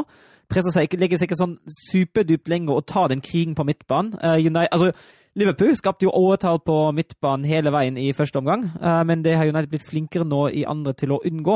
og da deltar man også med i spillet. Jeg skal skryte den sentrale midtbanen til United. McTominay, Pogba og Fred de, en, de løper, vanvittig mye. Eh, når de da i tillegg blir flinkere til å distribuere ballen utover i andre omgang, så blir det en helt annen andre omgang. Eh, ikke helt, ikke så klart, men eh, United får et mer initiativ. De får flere muligheter til å gå offensivt. De har flere muligheter til å holde ballen i laget høyt. Og alt dette er egentlig kun fordi sentrallinja til United løfter seg. Etter 59 minutter der så får Firmino en stor sjanse. Han må være tøffere på den. altså Når eh, Arnold, og der kommer det eh, igjen, Arnold vrir til eh, Robertson. og det blir litt sånn Pogba henger ikke helt med, og Fambisaka har havna veldig langt inn sentralt. det er noe han har slitt med tidligere. Ja, absolutt. absolutt, At han henger litt for langt inn der. Og da pisker egentlig Robertson den ballen inn på bakerste, og at ikke Firmino lukter den mer klart, det, det, det, skjønner jeg ikke, rett og slett. Nei, det kan du si. Så United bytter, Kavani inn, eh, Martial eh, ut, og, og, og det, da syns jeg det bedra seg voldsomt. Sånn i hvert fall i forhold til ja, ja, for du får en spiss som er mye mer dynamisk, spør du meg. Altså Du har Rashford som enten møter eller stikker. Eh, Kavani han beveger seg både hit og dit. Eh, han er i tillegg, syns jeg, en bedre førsteforsvarer enn det Rashford er. Ja, absolutt. Eh, Salah-sjansen etter 61 minutter, eh, skal vi snakke litt om den? Han, det var ikke en Salah her som det er, det er, ikke gode, gamle, kjente Salah, Nei, dette? det er ikke det. Det er ikke det. Mangler det trøkket, den viljen. Mm. Eh, han virker liksom litt mett innimellom. Så kan man jo si at uh, han er åpenbart ikke helt i form, men uh, det er liksom det er den mangelen vi snakker om offensivt hos Liverpool. Den mangler han, Salah, Firmino. Det er ikke den dødeligheten. Så den rytmen, liksom. altså jeg så Etter 70 minutter der så får du så ekstremt godt bevis. Det er når Mané fører framover på, på venstresida der. Han venter og venter og venter på Firmino-løpet, som, som, nesten aldri Altså, det kommer nesten ikke. Og idet Mané vurderer andre muligheter, så starter Firmino løpet. Men da slipper, uh, slipper den altfor uh, seint, ikke sant? Mm. Fordi altså, rytmen der, det er, det er, et eller annet der som skurrer veldig. Om det er midtbanen eller hva, det kan vi komme tilbake til, for jeg tror vi fikk et spørsmål om det. Mm. Men, uh, men jeg, jeg syns jo United nå begynner å ta litt som Altså, det ser farligere ut for United enn det gjør hver gang Liverpool har ballen. Og, og, nå ser du altså at Bruno Fernandes han går nå bredere i rommet bak de bekkene. Han står nå mye bredere i banen og er mye mer villig til å true det rommet der. Uh, og det gir jo uttelling i det offensive spillet, definitivt, som du sier. Det blir jo, altså... Han måtte komme seg vekk fra Fabinho. han måtte det til. Han var jo i lomma til Fabinho hele første omgang. Men jeg syns også United de er liksom, det er litt mer gjennombruddssissig utover i andre omgangen enn det Liverpool er. Det, jeg mm. syns Liverpool blir litt omstendelig i forhold til vending av spill og det innlegget som skal slås inn bak bekkene. Du får ikke de situasjonene så ofte når du møter så dype lag. mens United får overlappen, de slår ofte inn i bak, prøver å true bakrommet. Det er, det er liksom litt mer direkte. da kvarter før slutt der, når eh, Bruno sender i veien ja, kan nesten kalle det en lompe, men en fin beinparade av eh, Alison. Det er en stor sjanse. Ja, altså bra Rashford og, og Shaw som kommer rundt der. God timing og rytme i angrepet. Og, og Fernandes i form. Altså, han har jo en fryktelig svak kamp til han å være. Eh, normal dag for Fernandes der, så er det vel fort mål. Absolutt. Eh, og da var Shakiri sliten. Ble... Mm. At han ikke ble bytta ut før? Ja, men, men, men, men, hvis du ser på benken til Liverpool her, da, så, så skjønner ja, du det i forhold Curtis Jones har jo vært brukbar i år. Ja, uh, Litt rart at han ikke kommer inn tidligere. Men, ja, fordi men... idet dommeren blåser til pause, så er jo Shakiri ferdig. Ja, han er ferdig. Andre gang du ser ja. jo ikke er Shakiri på banen. Han var ganske bra i første. Han var brukbar i første, mm. absolutt. Eh, Pogba-sjanse. Oh, ja, det er tidenes altså, Sett den ned. Ja. Eller, eller oppi nettaket, da, i, i verste fall. Hadde det vært Kavani, hadde det vært mål. Ja, altså, det er den keeperhøyden, vet du. Mm. Det er lett for Alison, selv om du ikke treffer midt på keeper. Ja, for Liverpool har jo egentlig et uh, overtak uh, mot slutten av nei, nei, Manchester United har et overtak mot slutten av kampen. Ja, jeg syns det. De, uh, de, står litt høyere på Liverpool, og det syns også Liverpool virker litt slitne. de orker ikke det høye presset sitt lenger. Kontringene er det ikke noe særlig snert i, så, så at United har det lille overtaket mot slutten, der, det, det syns jeg absolutt. Dere fikk med dere så helt på slutten, før dommeren blåser av der, når Vinaldum og, og Bruno Fernandes har en disputt der, og eh, er eh, oppriktig irriterte på hverandre. og eh, Så tas begge av, og, og Bruno Fernandes han, han er så forbanna. Ja, jeg syns det er litt stor idrett også når han går av banen der. Han tar alle i hånda. Du ser han åpenbart er fornøyd, nei, misfornøyd, men han er han, han, han, strekker alltid ut lanken og, og, tar dem i hånda. Du har sett spillere million ganger som slenger den flaska veggimellom når hun blir bytta og gjemmer seg under jakka. Så allikevel litt kred til Fernandes, som åpenbart er forbanna, men tar det litt som en mann allikevel. Og da blir det 0-0, da. Det blir det. Ja. Var ikke helt uh, eh, overraska av det, var det det? Nei, fordi du Du får nok et poeng, du, i denne tippekonkurransen vår. Ja, jeg gjorde det. Og uh, det er jo bare å tippe det stikk motsatte av meg og Søren, ja, så har du jo Da hadde jeg skulle tippa United. ja, for så vidt. For så vidt. Men jeg ja, men... tenkte jo det at jeg også hadde jo litt tro på Liverpool. men så tenkte jeg, nærmest da Liverpool-seier må jo være uavgjort. ja. Men det skal sies at jeg tenkte først 0-0, så tenkte jeg nei, det blir mål i den kampen, så får ta 1-1. Men da Thomas og jeg tipper det samme, det er jo nesten 50-50 for det her du får rett. En rein 50-50 der, altså. Etter kampen, eh, Solskjær og Luke Shaw var ganske klare på at United eh, fortjente å vinne dette. Jordan Henderson derimot, han nærmest hånflira av det og virka litt sånn overraska på at, eh, at de faktisk mente det. Ja, det er vel litt med at jeg tror jeg føler litt sånn i forhold til de siste kvarteret og de sjansene de produserte da, så, så sitter de nok med en følelse av at her burde vi ha skåret. Spesielt da den Pogba-sjansen er jo enorm. Ja, Hvis vi ser på expected goals, så er jo det kjempefint at det blir uavgjort. For det er, det er skikkelig jevnt. Det er 1,2 til Liverpool og 1,19 til United. Nesten ikke mulig å få det jevnere. Nei, absolutt. Og jeg, jeg tenker jo litt at det kan, det kan være litt sånn Mourinho uh, meldte også på Anfield eh, etter uh, kampen Tottenham hadde der. Fordi altså Anfield er jo et fort. Det er jo kanskje en av de vanskeligste banene å komme til i hele Europa. Eh, statistikken der er det 67 Premier League-kamper uten tap nå. Ja, nærmer seg ja. 70 nå. De er ikke så langt unna Chelsea-rekorden. Det er noe voldsomt, i hvert fall. Det er, det er helt enormt. Det er kjempeimponerende. Og, og, hvis du da går av den banen med poengtap, og du føler at du hadde de største sjansene, ikke sant? Og, og det hadde Manchester United eh, nå. Det hadde Tottenham også, med Bergwijn i stolpen der og sånt, eh, før Firmino hedda inn helt på slutten. Så du, du, går med en sånn feeling om at å, dette burde vi ha klart! Dette skulle vi ha klart! Mm. Og jeg tror det er den mm. egentlig Altså, Solskjær tror jeg var veldig fornøyd med resultatet isolert sett, men det kunne blitt så mye bedre. Ja, det er litt sånn Han hadde tatt 0-0 før kampen. Men på slutten av kampen så sitter du og føler at fader, det her burde vi ha vunnet. Og det er den følelsen de føler litt på rett etter kampen. Skal vi dra banens beste, Søren Døpker? Ja, jeg kan starte, jeg. Eh, jeg har tre på Fabinho. Jeg syns han spiller en stående kamp i midtforsvaret. Han har jo defensivt full kontroll i nesten hele kampen, og bidrar også godt i, uh, i frispilling og oppbyggingsspillet. En uh, suveren og god kamp av Fabinho. To til uh, Luke Shaw, som stort sett klarer å stenge Uniteds venstre side gjennom kampen, og til slutt også bidra en del offensivt. En til Victor Lindeløf, som jeg syns spiller en bra kamp i midtforsvaret, men jeg vurderte også Scott McTomney, Thiago og Alison. Granvoll. Hæ? Granvoll. Ja. Eh, det er meg. Eh, nei, jeg er for så vidt enig med deg de to første. Fabinho var eh, strålende. Shaw det samme.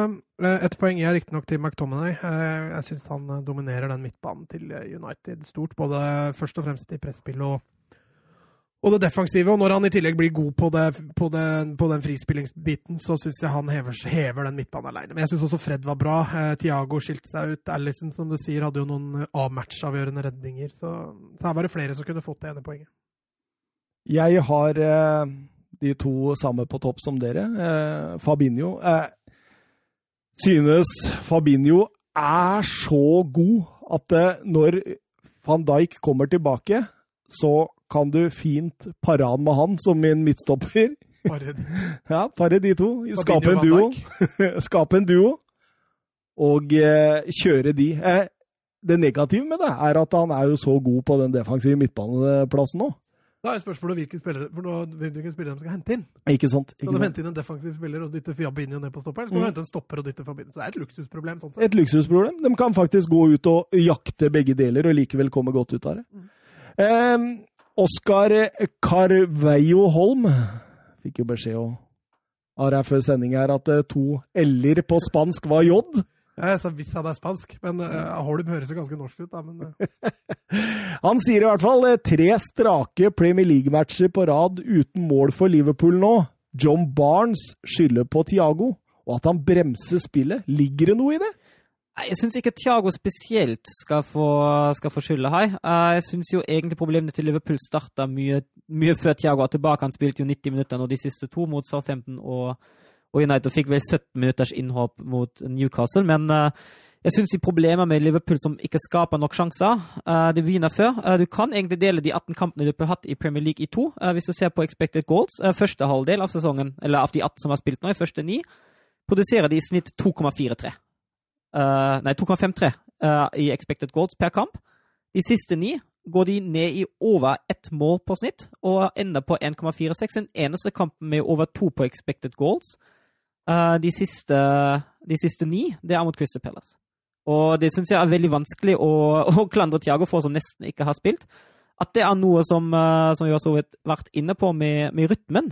Eh, Han, han, han har spilt mye de siste fire-fem kampene. Nei, bare, bare, bare spilt to. Fire. de to, så kom han Ja. Newcastle. Ja, Newcastle, ja. Mulig han spilte i FA-cupen, da. Det har jeg ikke Ja, men den, den, der, den har jeg ikke tall på, må jeg innrømme. Nei. Men jeg er egentlig enig med Søren, fordi spillet til Tiago Han spiller jo den dype rollen. Eh, det er mul altså Sammenligner du han og Henderson, så er jeg enig. Da blir det to forskjellige spill. Henderson er mye mer direkte. Men Tiago, det er litt mer overveielse bak valgene han tar. Da, så jeg, jeg føler ikke det er der skoen trykker for Liverpool.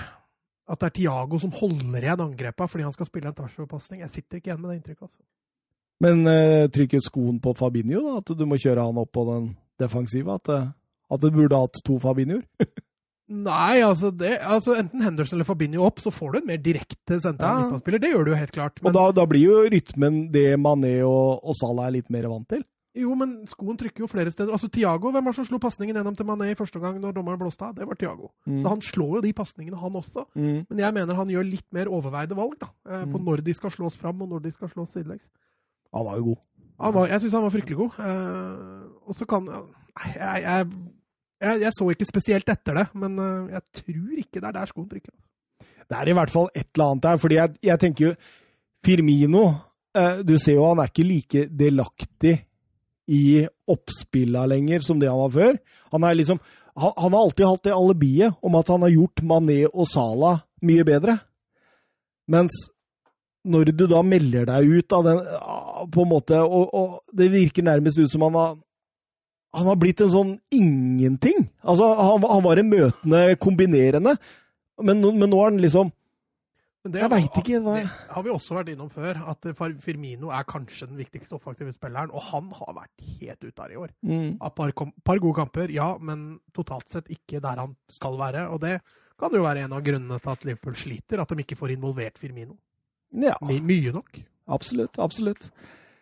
Manchester City Crystal Palace. Der Det er en Manchester City i form. Ja, og altså, få noen skåringer det var. Var jo helt fan. Altså, City har jo, City har jo full kontroll, og så er det, er det nesten kremmehus etter kremmehus. Det er jo helt fantastisk. Men de slipper jo ikke inn mål heller. Nei, det, det, det ser solid ut nå, rett og slett. Og, og Gundogan han, han har jo kommet tilbake til Helt annen spiller. Og nå dytta de inn eh, Gabriel Jesus òg, og det virka jo ikke som det var noen Nei. nedtur. Selv om Jesus ikke spilte en spesielt god kamp, så, så hemma ikke det. Vet du stillinga er med Leicester og Nei, jeg skal jo se når jeg kommer hjem, så så ja, ikke si noe. Jeg skal ikke si noe. Nei, nei, nei. Det er sikkert 2-0 til Leicester. Men, men eh, det jeg tenker på, det er at det, det presset bare øker og øker og opp og utover i, i omgangen der. Crystal Palace i en sånn veldig sånn der utprega, kompakt 4-5-1. Det mangla Wilfred Saa der, noe som selvfølgelig er et stort blow i slike kamper spesielt. Og, og når John Stones eh, setter 1-0 der etter dødball, så, så tenker du at eh, der var den kampen ferdig. Der var det Ja, du, du gjør det fordi eh, altså, Som du sier, presset øker, og det kommer altså, Pelles prøver seg på noen kontringer i starten, men det blir mindre og mindre fordi gegenpresset til, eh, til City sitter så ekstremt godt. Pelles kommer seg jo ikke, nesten ikke ut av egen halvdel lenger, og etter 1-0 er det jo helt dødt der framme. Men den assisten, da. Ytter, ytterfoten der. Oh. Med ytterskia der, Ja. i løpsbanen til John Stones. Ja. Gud bedre meg. Eh, Kevin De Bruyne han spiller fotball på et meget høyt nivå nå. Jeg husker når City var eh, svakere tidligere i sesongen, så etterlyste jo De Bruyne litt mer. Eh, nå, nå er han jeg, jeg mangler ord, faktisk. Det var en som eh, Jeg husker ikke hvem som skrev det, men når Chelsea solgte De Brønne, så var det et av de beste salgene Chelsea noen gang hadde gjort. det var jeg helt uenig for det var vi, som solgte den. Altså, kjøpte den, altså Wolfsburg. jeg var veldig ja, glad for hvem at den var det kom. som sa det? Jeg Jeg husker ikke. Her om dagen, for det var en som tenkte denne er det på tide å børste støv av nå, liksom. Fordi, altså, men det som var jo problemet med De Brønne i Chelsea, uh, det var jo at den aldri ble brukt i den rollen han var best. Da han først spilte, måtte Jon ut på kant. Og det var ikke hans rolle i det hele tatt. Nei, men det var jo en periode Mourinho solgte spillere fra Chelsea der som blei verdensstjerner på rekke og rad, så det Noen feilvalg gjorde han også, selv om han hadde mye gode kjøp i Chelsea. Um, det var Kevin De Brønnes hundrede assist, så det var jo på en måte en ålreit assist å, å feire det. Ja, ja, det er fint. Den var ikke ferdig, ferdig, ferdig assistert, den. Altså. Nydelig av Stones òg, da, som bare ah, Han har blitt Han har blitt strålende nå. Nå er det bare å dytte den inn på det landslaget. Altså. Ja, da det får de den stopperen sin, England òg. Ja. Sammen med MacGyver, eller? Uh, ja, og han i Airwolf. Jeg husker ikke hva han heter. Eh, Gabriel Jesus uh, nær eh, 2-0 der, treffer ikke reint på headinga si før pause, men altså, denne kampen her nå, den, den er jo kjørt. Altså, Crystal Palace har jo ikke en sjanse. Hva skal man gjøre? Hva skal man gjøre? Nei, altså City dominerer jo ballinnehavet stort, og det, det kom nok Palace forberedt på. Men, men de har ingen gode oppspillspunkt i forhold til kontringene. Eh, Townsend var litt frisk i starten, men det Abba SE er jo Får ikke til en puck. Nei. Uh, og Ajø får jo ikke noe særlig baller å jobbe med. så her står Roy Hodgson ganske fast. Prøve å begrense tapet, tror jeg er eh, Utover i andre omgang så er det det som bør være fokus. Altså. Gundogan smeller den i hjørnet der. Ja, det er Peter. Nydelig. Og så setter John Stones sitt andre mål, og det har han ikke gjort siden eh, VM i 2018 mot Panama i gruppespillet. Han sto vel med én Premier League-skåring før denne kampen, tror jeg. Han dobla det. Og Raheem Sterling avslutter moroa med å sette den nøyaktig på samme plass som Gundogan gjorde noen minutter før. Ja, og Stirling eh, gikk til Twitter etterpå og skyldte på sveisen. At det var håret rett og slett som hadde vært eh, problemet til nå. Eh, Første gang Stirling forresten skårer på et direkte frispark i sin profesjonelle karriere. Ja, jeg syns det er rettferdiggjør da et lag på et sånt Allstar-lag på England, i hvert fall. Der fikk vi den, ja. Syns du ikke det? Nei, jeg, jeg følte jeg hadde Twitter med meg, så det, dere, Du satt med popkornet? dere kan sitte Ja, jeg satt og kosa meg. Um, City, eh, første laget i eh, sesongen 2021 eh, med fem strake seire. Det er ni nå totalt eh, uten tap på rad. Ja, du slipper nesten ikke inn mål heller. Så, så lenge City bare får et mål, så har skjedd etter at Stones kom inn. Mm. Altså, jeg så på noen statistikker eh, med og uten Stones. Eh, han har eh, ni starter eh, med Stones og åtte uten. Han har åtte seire med Stones, og han har to seire uten. mm. Han har to mål imot med Stones, og han har elleve uten. Det er en statistikk som egentlig taler litt for seg selv. Det gjør det. Bør egentlig ikke Skal bare sette to streker under Så det når folk lurer på hvor Laporte er, så henviser vi. For Diaz, han har vært god. Ja, han har vært veldig god. Og jeg tror dette City-laget nå er så solid, og han har funnet balansen, han har funnet det som skal til. Og han er heller ikke så opptatt av at de må jage den to og tre og fire hvis de ikke føler for det, da, hvis du skjønner. Og, da, og, og jeg tror de har funnet en ro med det som gjør at de cruiser inn til dette Premier League-gullet etter hvert. Ja, og nå er Rodri også henvist til benken. Når for lenge Fernandinho kan spille, så tror jeg Rodri blir uh... Fernandinho spiller bør være hver tredje, tror jeg. Ja. Han er vel eh, 72 år, så Arsenal-Newcastle var artig kamp i går, det òg. Newcastle møter jo opp i en 4-4-2, og jeg var litt overraska over Altså, de, de var jo ganske offensive til å starte med. Ja, til å starte med. Og, men, I denne kampen, eller? Ja. Men det, det varte ikke særlig lenge. Nei, det var jo nettopp det, da. Uh, og da er, vi, da er vi inne på det. Det vi har vært inne på før, uh, det Newcastle gjør når de møter de, de uh, i anførselstegn store lag, uh, legger seg bak og egentlig ikke har noe særlig plan om hva som skal skje når ballen vinnes. Og ligger altfor dypt, uh, blir jo vanskelig å starte kontring av deg. Uh, Arsenal er riktignok veldig veldig gode til å, til å stenge av uh, kontringsmulighetene òg, så all cred til det. men det blir jo veldig tamt. Uh, det blir veldig dårlig, og da blir det vanskelig å skåre mål. Jeg syns de fikk bedre kontroll på kampen når de begynte å, å, å dytte den langt mot Andy Carroll og Mm. skyve etter i presspillet. Fordi, eh, som du sier, at Arsenal var gode til å hindre de overgangene, og da, og da ble det et sånt vedvarende trykk. Og, og utover i første omgang så klarte de i hvert fall å unngå det der vedvarende trykket hele tida ved å lempe langt. Så der gjorde de noe. Den går jo til pause med 0-0. Mm. Ja, det skyldes jo litt Arsenal òg, syns jeg. Altså, de har jo de har mulighet. Og det, det som jeg synes, altså jeg skjønner jo litt hvorfor både Partey og Chaka ligger igjen, nettopp for å stenge av til kontringsrommet. Men det jeg savnet litt, når de kommer seg rundt på Gant, og når de slår et høyt innlegg i banen, hvorfor kommer det ikke et dypt løp fra en av de to sentrale midtbanespillere? Hvorfor kommer det ikke én løpende inn og skaper med overtall i boksen der? Skaper flere alternativer. Jeg, jeg tror at det blir for dypt i utgangspunktet. At det blir for lang vei opp, rett og slett. Jeg så John Joe Shelby prøvde det noen ganger. Å, og komme etter deg, men du ser at det, i det Men nå snakker eventuelt nå snakker jeg om Arsenal-spillerne. Å, om- du gjør det? Ja, Ja, ja, fordi, men jeg tenker Ja. jo også dette har skjedd med Newcastle. At uh, de burde dytta opp uh, noen av disse også. Nei, jeg, jeg hadde jo ønsket meg litt mer altså et, Noen løp fra, fra dypet inn i boksen. For det skjedde ikke i første omgang for Arsenal. Det- Jeg tror jeg hadde hjulpet med noen av de innleggene jeg hadde slått inn. Ja. Men jeg, jeg tenker jo det at hvis du spiller, og det er sikkert derfor jeg tenkte litt på dette nå, fordi når du spiller med Sjaka og Party, så spiller du jo med to som ikke er, besøker boksen veldig ofte. Eh, Jeg, jeg tenkte også mer på det med overgangsspillet til Newcastle når Almiron kommer seg fri, for det gjorde han et par ganger. Så ser du at det blir så lang vei opp for de andre, så når Almiron er på kanten av 16-meteren og, og, og kan even, så, har- så har han ikke alternativer. Altså, John Rochelle vil står på 40 meter og sprinter som en gærning for å prøve å komme opp i. Og det koster krefter å drive på sånn, altså. Så det er, eh, det er, det er tungt, men uh, annen omgang eh, blir jo litt annerledes, da, og det starter jo med Aubameyang-skåring.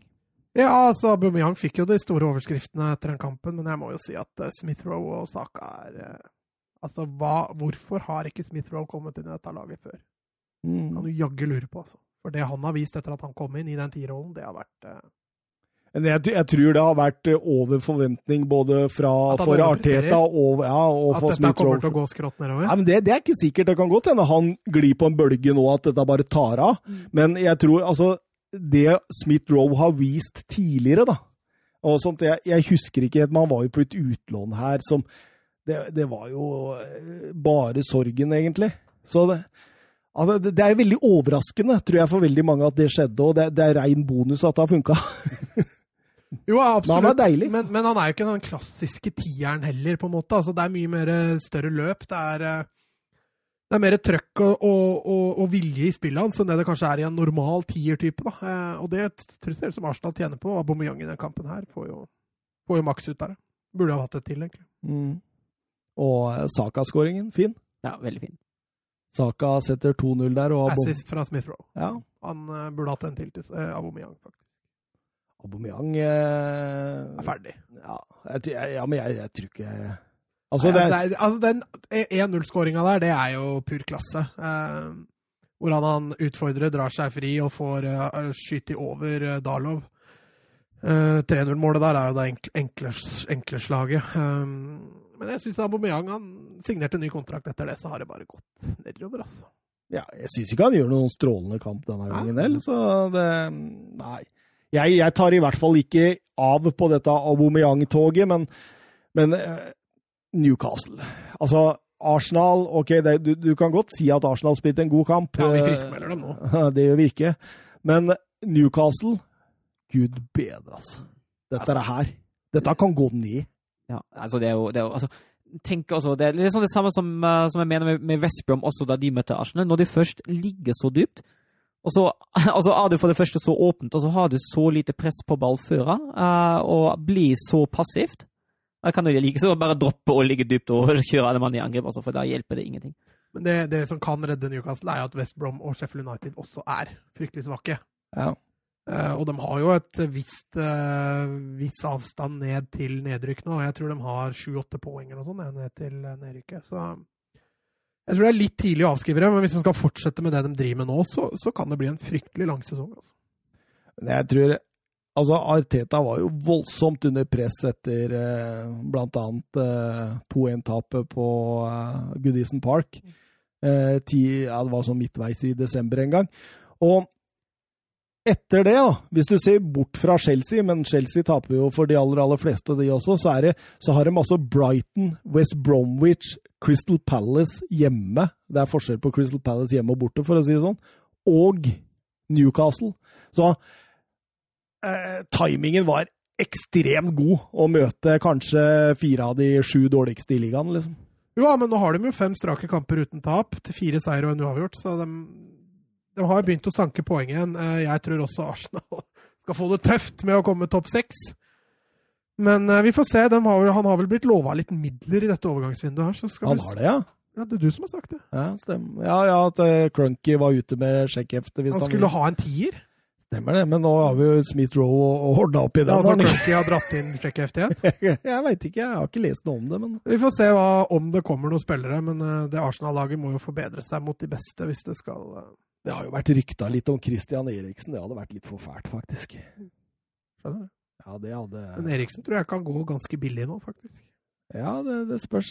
Inter sliter voldsomt økonomisk, etter hva jeg forstår nå. Nå er det sånn at eh, det er vanskelig å betale lønninger. Ja, de har vel ikke fått lønninger for november og desember, tror jeg? Det, det er krise, vet du. Det er krise. Det betyr at eh, det kan gå mot salg, dette. Ja, det, det, jeg tror det skal selges. Jeg tror de har åpne for å selge. Og nå når de kan vinne Scudetto nå Det er dårlig timing. Det er dårlig timing, altså. Men, men du kan tenke deg alle disse gamle stjernene de har henta òg. De, de koster i lønninger. Altså, altså Young og eh, eh, Sanchez og De betalte jo store penger for Hakimi òg. Ja, da har de så dårlig stilt økonomisk, altså. Nei, Det er veldig spennende. Spennende å se hva som skjer der. Eh, ta med et par før vi går over til eh, Tyskland her fra Twitter. Eh, Jørn Henland spør eh, hva er deres tanker om VAR når det har gått eh, en så lang stund? Ja, det som er viktig, er at den hens-greiene har bedra seg kraftig, for det var en stor frustrasjon. Altså, så det har blitt bedre. Um, og da er det klart at det, mye av de avgjørelsene du henger opp i nå, er litt skjønn. At man ikke helt skjønner at dommeren kan tenke sånn, eller at VAR kan tenke sånn. Men jeg merker sinnet mitt mot VAR har blitt, det har blitt mindre. Ja, Du er ikke like bekymra for VAR-avgjørelser. Nei. Og jeg syns også det hjelper at dommerne går ut og ser på skjerm. Jeg syns det. Uh, jeg, det var veldig lurt av Premier League å innføre det, fordi det, det har fungert utmerket i de andre ligaene. Eh, Eller utmerket, det har fungert bra. Bedre enn det som det har vært i Premier League første sesong. Ja, jeg syns Premier League òg begynner å komme seg. Ja, jeg er helt enig. Det er mye bedre nå. Eh, har dere tro på Pochettino vinner eh, Champions League med Paris Saint-Germain? Champions League? Nei. Nei, da var vi ganske klare på det. Men det er det jeg tror ikke Guardiola hadde vunnet Champions League med Paris Saint-Germain. Jo, han hadde greid det. Nei, jeg tror ikke det. Eh, hvor lenge holder Lewandowski det gående på et stabilt toppnivå? I hvert fall i noen år til. Han blir Eh, 33 år. Ja, han blir det. Eh, men altså, den spillestilen han har, Uh, litt sånn Altså, det er ikke akkurat sånn at han må, må gå på altså, Han han er ikke går på masse- avhengig av fart. Nei, det er akkurat det. Han er litt sånn mer sånn Ronaldo, litt sånn fysisk, eh, fysisk spilletype, og han har egentlig alt han trenger for å kunne holde det gående en eh, god stund til, altså. Ja, altså I Bundesliga, da, der tror jeg det, han kan holde det i hvert fall et par år til. Mm. Par år. I hvert fall i Bayern München, 35. hvor det blir servert. Ja. Hvor går han etter uh, han er ferdig i Bayern, da? Uh, Si det. Det kan jo hende at han legger opp. Det er flere som har lagt opp i Bayern München. til Al-Sad, Ja, du tror det? Ja, eller ja. Kina. Ja, ja. Hvor, hvorfor ikke, hvorfor ikke? Eller Lech Poznan. Eller Lech Poznan. Ja. Og så spør også Jørn Henland eh, hvor overraskende er det med Union Berlin denne sesongen, Søren? Veldig. Eh, ja, vi, Vi, har, vi hadde dem på 15. ja, jeg, ville gjerne hatt, jeg ville gjerne ha dem et par, tre, fire plasser høyere opp. Det, det husker jeg. Det var du som ville ha dem på nedrykk. Men, nå, eh, nå garderer han seg. Nå ror han, nå er han ute og ror. Nei, nei, men nå, nå ligger en veto. Nei, men Han har eh, egentlig rett. Nei, men altså, Jeg hadde aldri tippa dem så høyt opp i det hele tatt, eh, men jeg syns det er fryktelig morsomt. Eh, det er jo fryktelig morsomt når det kommer et lag overraskende opp der, og når det kommer et så kul klubb som Union Berlin opp der, det er jo veldig, veldig gøy. Men, men, det, men det er jo en klubb som baserer mye av filosofien sin på hardt arbeid, Ja. innsats. Altså, det er jo ah, det, hvis, Dugnadsklubb! sitter Ja, altså, ja du, du gjør jo det. Og du, du tenker jo liksom hvis, hvis man skulle sette noen paralleller, da, så er det jo liksom sånn Ranheim den gangen de slo gjennom i Norsk Tippeliga. Liksom. Det, er, det er jo litt Ja, der. de, altså, de er, hvis du ser på Mer Mjøndalen, egentlig. Ja, hvis, hvis, du ser på, hvis du ser på verdien til spillertroppen, ligger de jo nest sist i Bundesliga bare foran Aminia Bielefeld. Hva er verdien på den? Å, det husker jeg, 68. jeg husker ikke. Ja, Ja, det, det er ganske Ja. høyt, altså. Jo, jo, men sammen med Bayern, da, som er 800. Ja. Nå er de jo langt nede. Ja. Jo, jo. Og jeg, jeg tenkte på i forhold sånn. til eh, de norske og sånt, ja. Jo, jo, men uh, sammenlignet med lagene rundt er jo det ganske lite. Men altså, det er hardt arbeid. Er, altså, han, Ors Fischer har virkelig klart å bygge et godt lag. Uh, og de er ekstremt ekle å spille mot, uh, og det er jo et stort kompliment. Uh, og skikkelig morsomt. Altså, jeg tror ikke de holder seg i topp seks, men alene at de i det vanskelige andre året klarer å klarer å, å ikke få noe som helst trøbbel, og kanskje til og med kan snuse uh, på, en, uh, på en veldig veldig, veldig god plassering. Det er jo sterkt. Nå har jeg spilt halv sesong, og de ligger topp seks etter halv spilt sesong. Det er godt jobba. Godt Nå jobb. rykker de ned. Jeg, jeg håper ikke at de gjør det. Blir Sheffield United, da. Neste år så, så blir det dette er jo andre poeng. sesongen deres. Ja. Sheffield United Ja, sliter jo sin andre sesong. Ja, og det er jo, det, det, Man ser jo ofte at sånne lag sliter litt i andre Huddersfield gjorde det samme i Bundesliga, da både Darmstadt og Ingolstadt en eh, god første sesong og sleit veldig veldig an og rykka ned. Uh, jeg håper jo at eh, Union er såpass solide at de, at de klarer å holde seg i ligaen. Jeg vil gjerne ha dem i Bundesliga. Det er, et, det er en kuklubb å ha i Bundesliga. Kultklubb. Kultklubb, ja. Hva heter den der fra Hamburg igjen? St. Pauli? Ja. Det hadde vært noe å hatt opp. ja, Det hadde vært kjempegøy. Jeg var jo så heldig at jeg fikk sett eh, både St. Pauli og Union på hjemmebane samme helg. Men, men, men, men Søren, eh, tar jeg feil når jeg tenker Altså, jeg har alltid Hvorfor? Hver gang jeg hører San Pauli, så tenker jeg punkrock. Hvorfor det? Nei, det, de har jo, de har jo disse, disse genserne med, med Jolly Roger ja, og hele pakka. Ja, det er litt, sånn- det ja, sånn, det sånn punkklubb, da. Det er jo, det er jo på, en, på en måte. Så jeg, jeg var ikke på jordet der, Nei, du er altså. ikke det. Du er ikke det. Og så hadde de jo som, eh, som mållåt når de skåra, det er jo Blur med Song 2. Er den noe? Ja, det er den. Skal vi ta den, Mats? Jeg. Jo, ja, det er den, ja! Ja, ja. Ne, ne, ne, ne, ne, ne.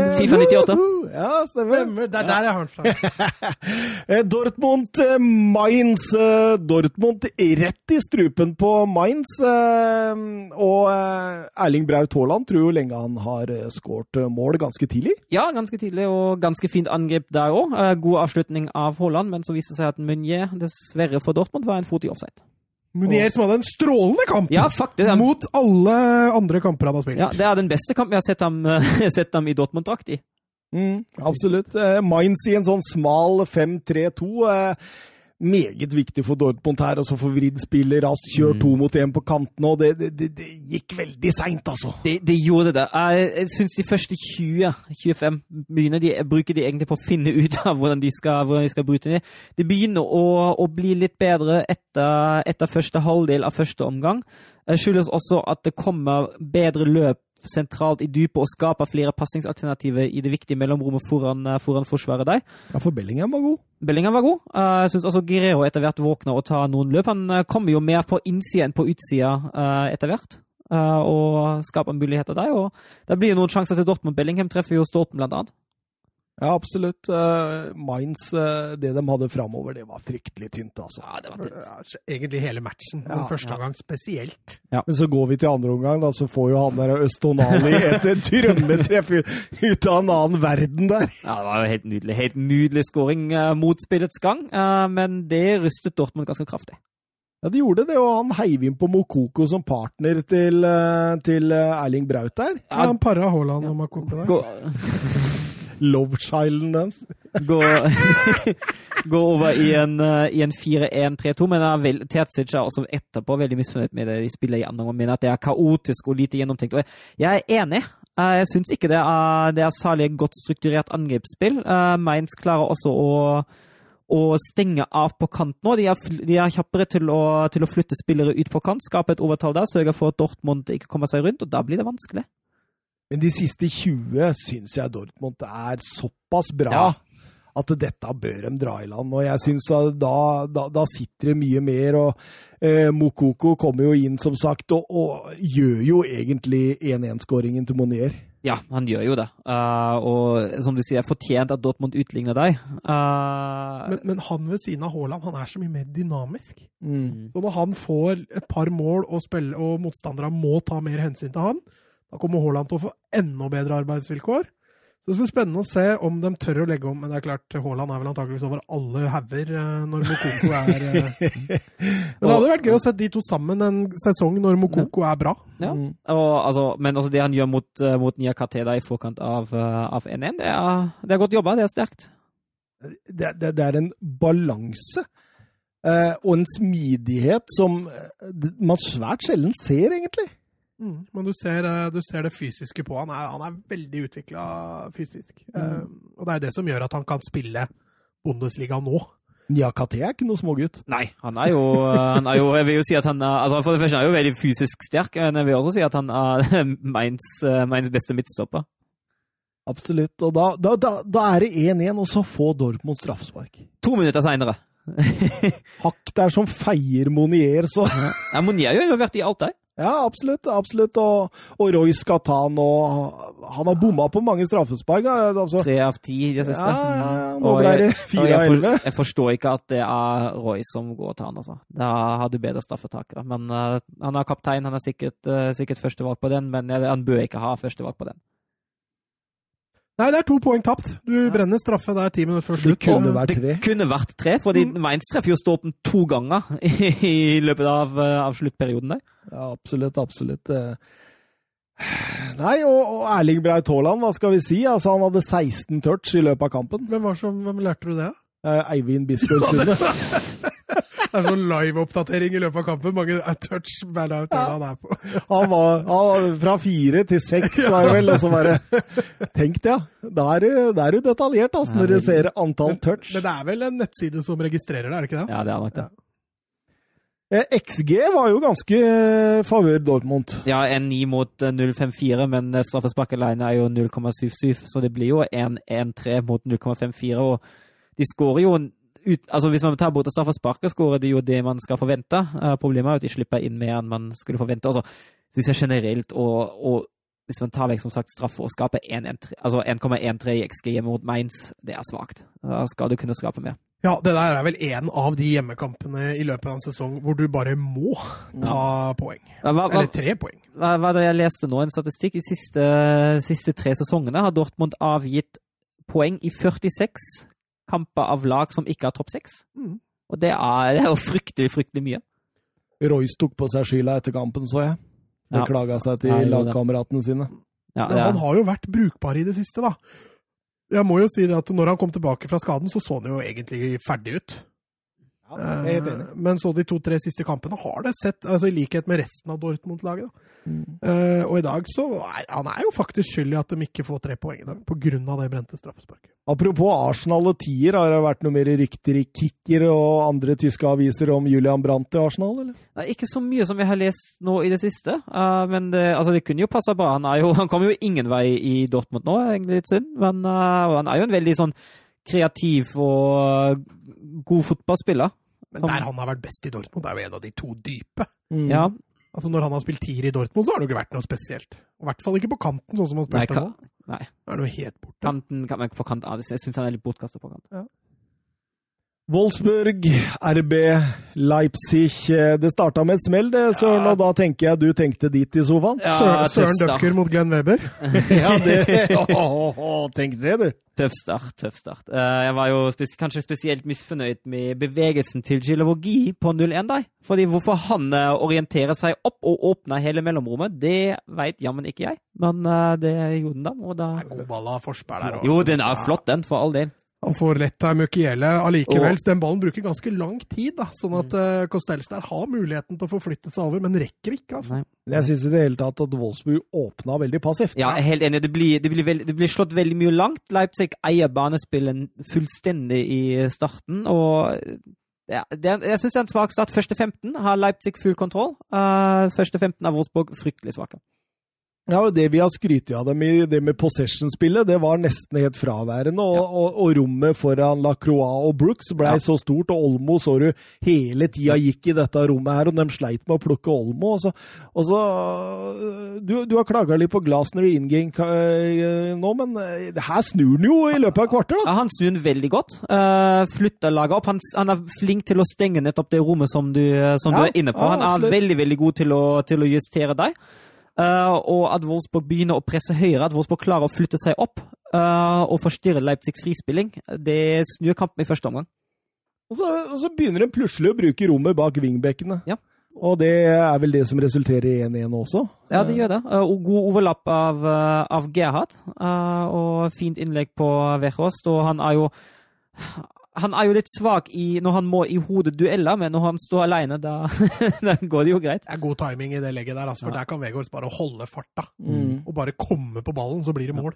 Ja, absolutt. Absolutt. Og, og eh, da syns jeg egentlig Wolfsburg tar litt over, og det er Ja. ikke ufortjent når de setter 2-1 med Renato Stefanel. Nei, men eh, fryktelig klønete av Leipzig å miste ballen på den måten. der. Americanos oppspill der, Ja, Og- herregud. Det der er litt han i et nøtteskall. Ja. da. Han går fra å spille en strålende match mot Dortmund, og så gjør han det der, liksom. Mm. Absolutt. Men det er det jeg mener med at han er så uferdig ennå. At Mm. råmaterialet ligger jo der, selvfølgelig. Men ah, jeg hadde tenkt meg om hvis det skulle vært en Premier League-klubb som skulle vinne Premier League, Ja, og for han- henta han for å, å umiddelbart forsterke. Har ikke han en utkjøpsklausul på bare litt sånn 500 millioner eller noe? Jo, noe sånt, men nå ryktes han sterkt til Bayern som erstatter for Alaba.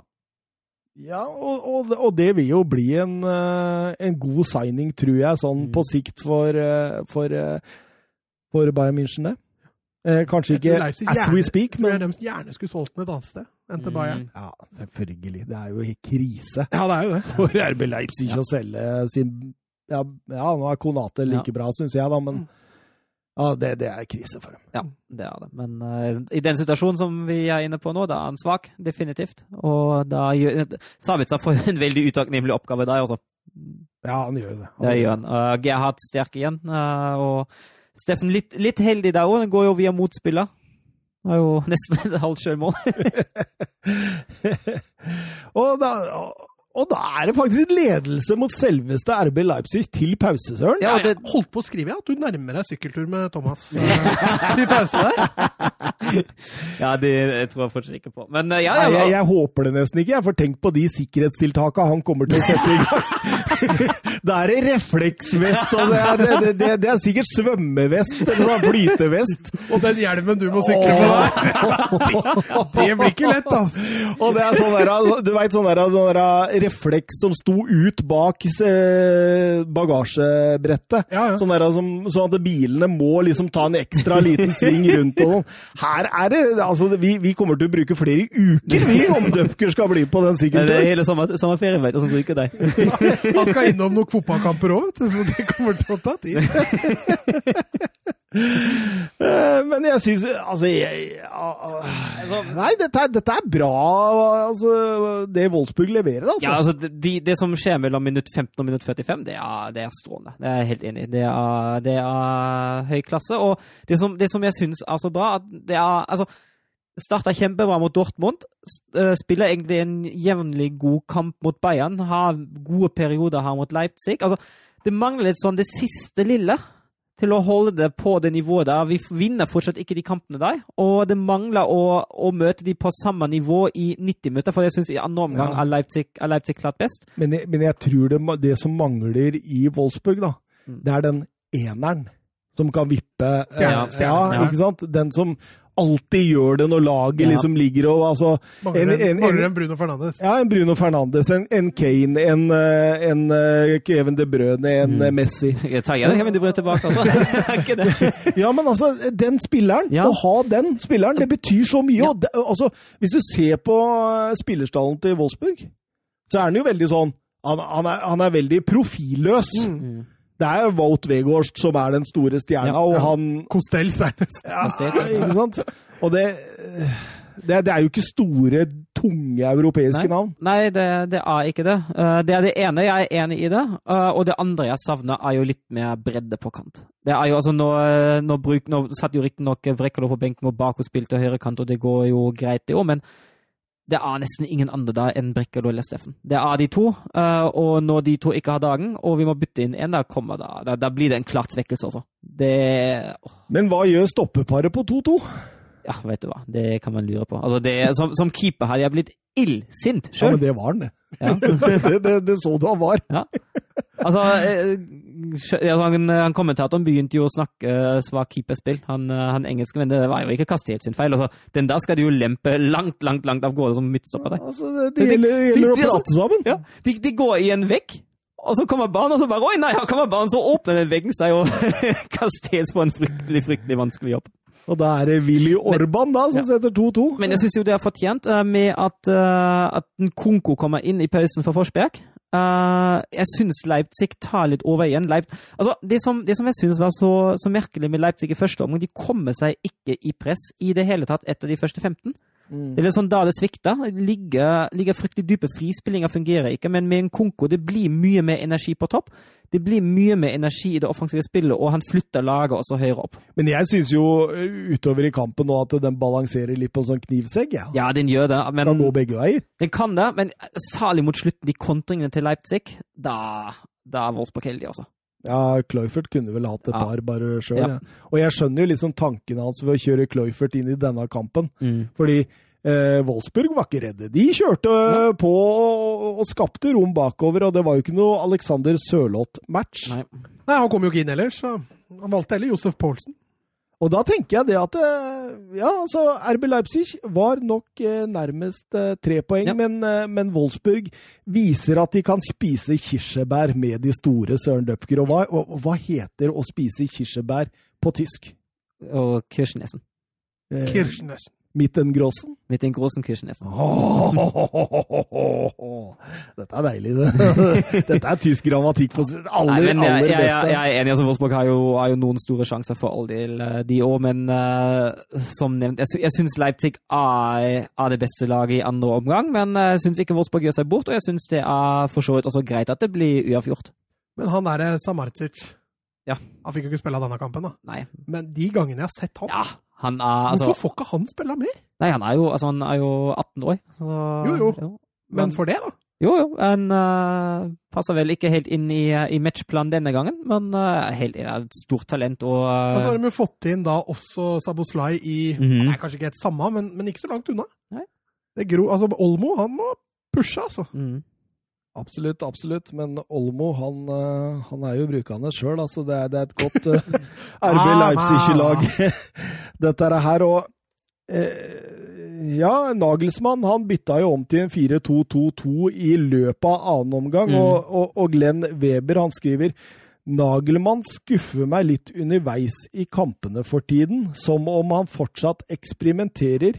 Tror ønsket om 3-4-2-1-formasjon skal eh, lykkes, eh, så overgår det over all fornuft. Altså at, at fornuften eh, legges litt til side for å, å kunne lykkes i den formasjonen. At jaget ved å ta flere steg utover går utover nåværende kvalitet. Jeg er litt usikker på det, for jeg føler ikke at Nagelsmann er så obsesst med én formasjon. Altså, jeg er enig med Glenn at han starta veldig mye i, eh, i 3-4-1-2. Eh, men som, som du som for så vidt også vi har vært inne på en del ganger, han bytter jo veldig mye formasjon underveis. Uh, jeg tror det han, uh, det han sliter med litt nå, eh, det er å finne ut av eh, sammensetningen på topp. Eh, Spissene har ikke helt slått til som man, eh, som man kan sette for seg. Han har ikke helt klart å erstatte Werner. Eh, Du har Paulsen som har ikke skåra noe særlig denne sesongen. Du har Sølat som ikke har kommet helt i gang. Du har Wang som, eh, som har slitt med korona og andre ting. Eh, Og det merkes jeg- er enig i at han det virker som at han eksperimenterer litt på topp og ikke finner helt ut av den sammensetninga der. Men sånne eksperimentelle trenere, da, de går jo på noen smeller innimellom. Du ser Guardiola har gjort noen feilskjær. Eh, og at Nagelsmann er jo fortsatt såpass ung, da. Mm. Men nå har han jo vært der ett og et halvt år, da. Eh, og som du sier, jeg tror ikke Nagelsmann finner en formasjon og blir der.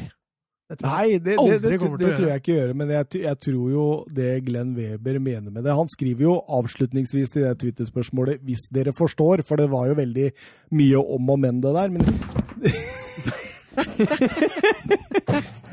Nå skjønner du! Nå Nå- skjønner du! Skjønner du. Nå tror jeg rett og slett vi må ta en pause her. Nei, dere kan bare prate, jeg fikser dette. Ja, du gjør det, ja? Ja. Han, han, han river jo ned hele studioet her, vet du. Kløne, ass!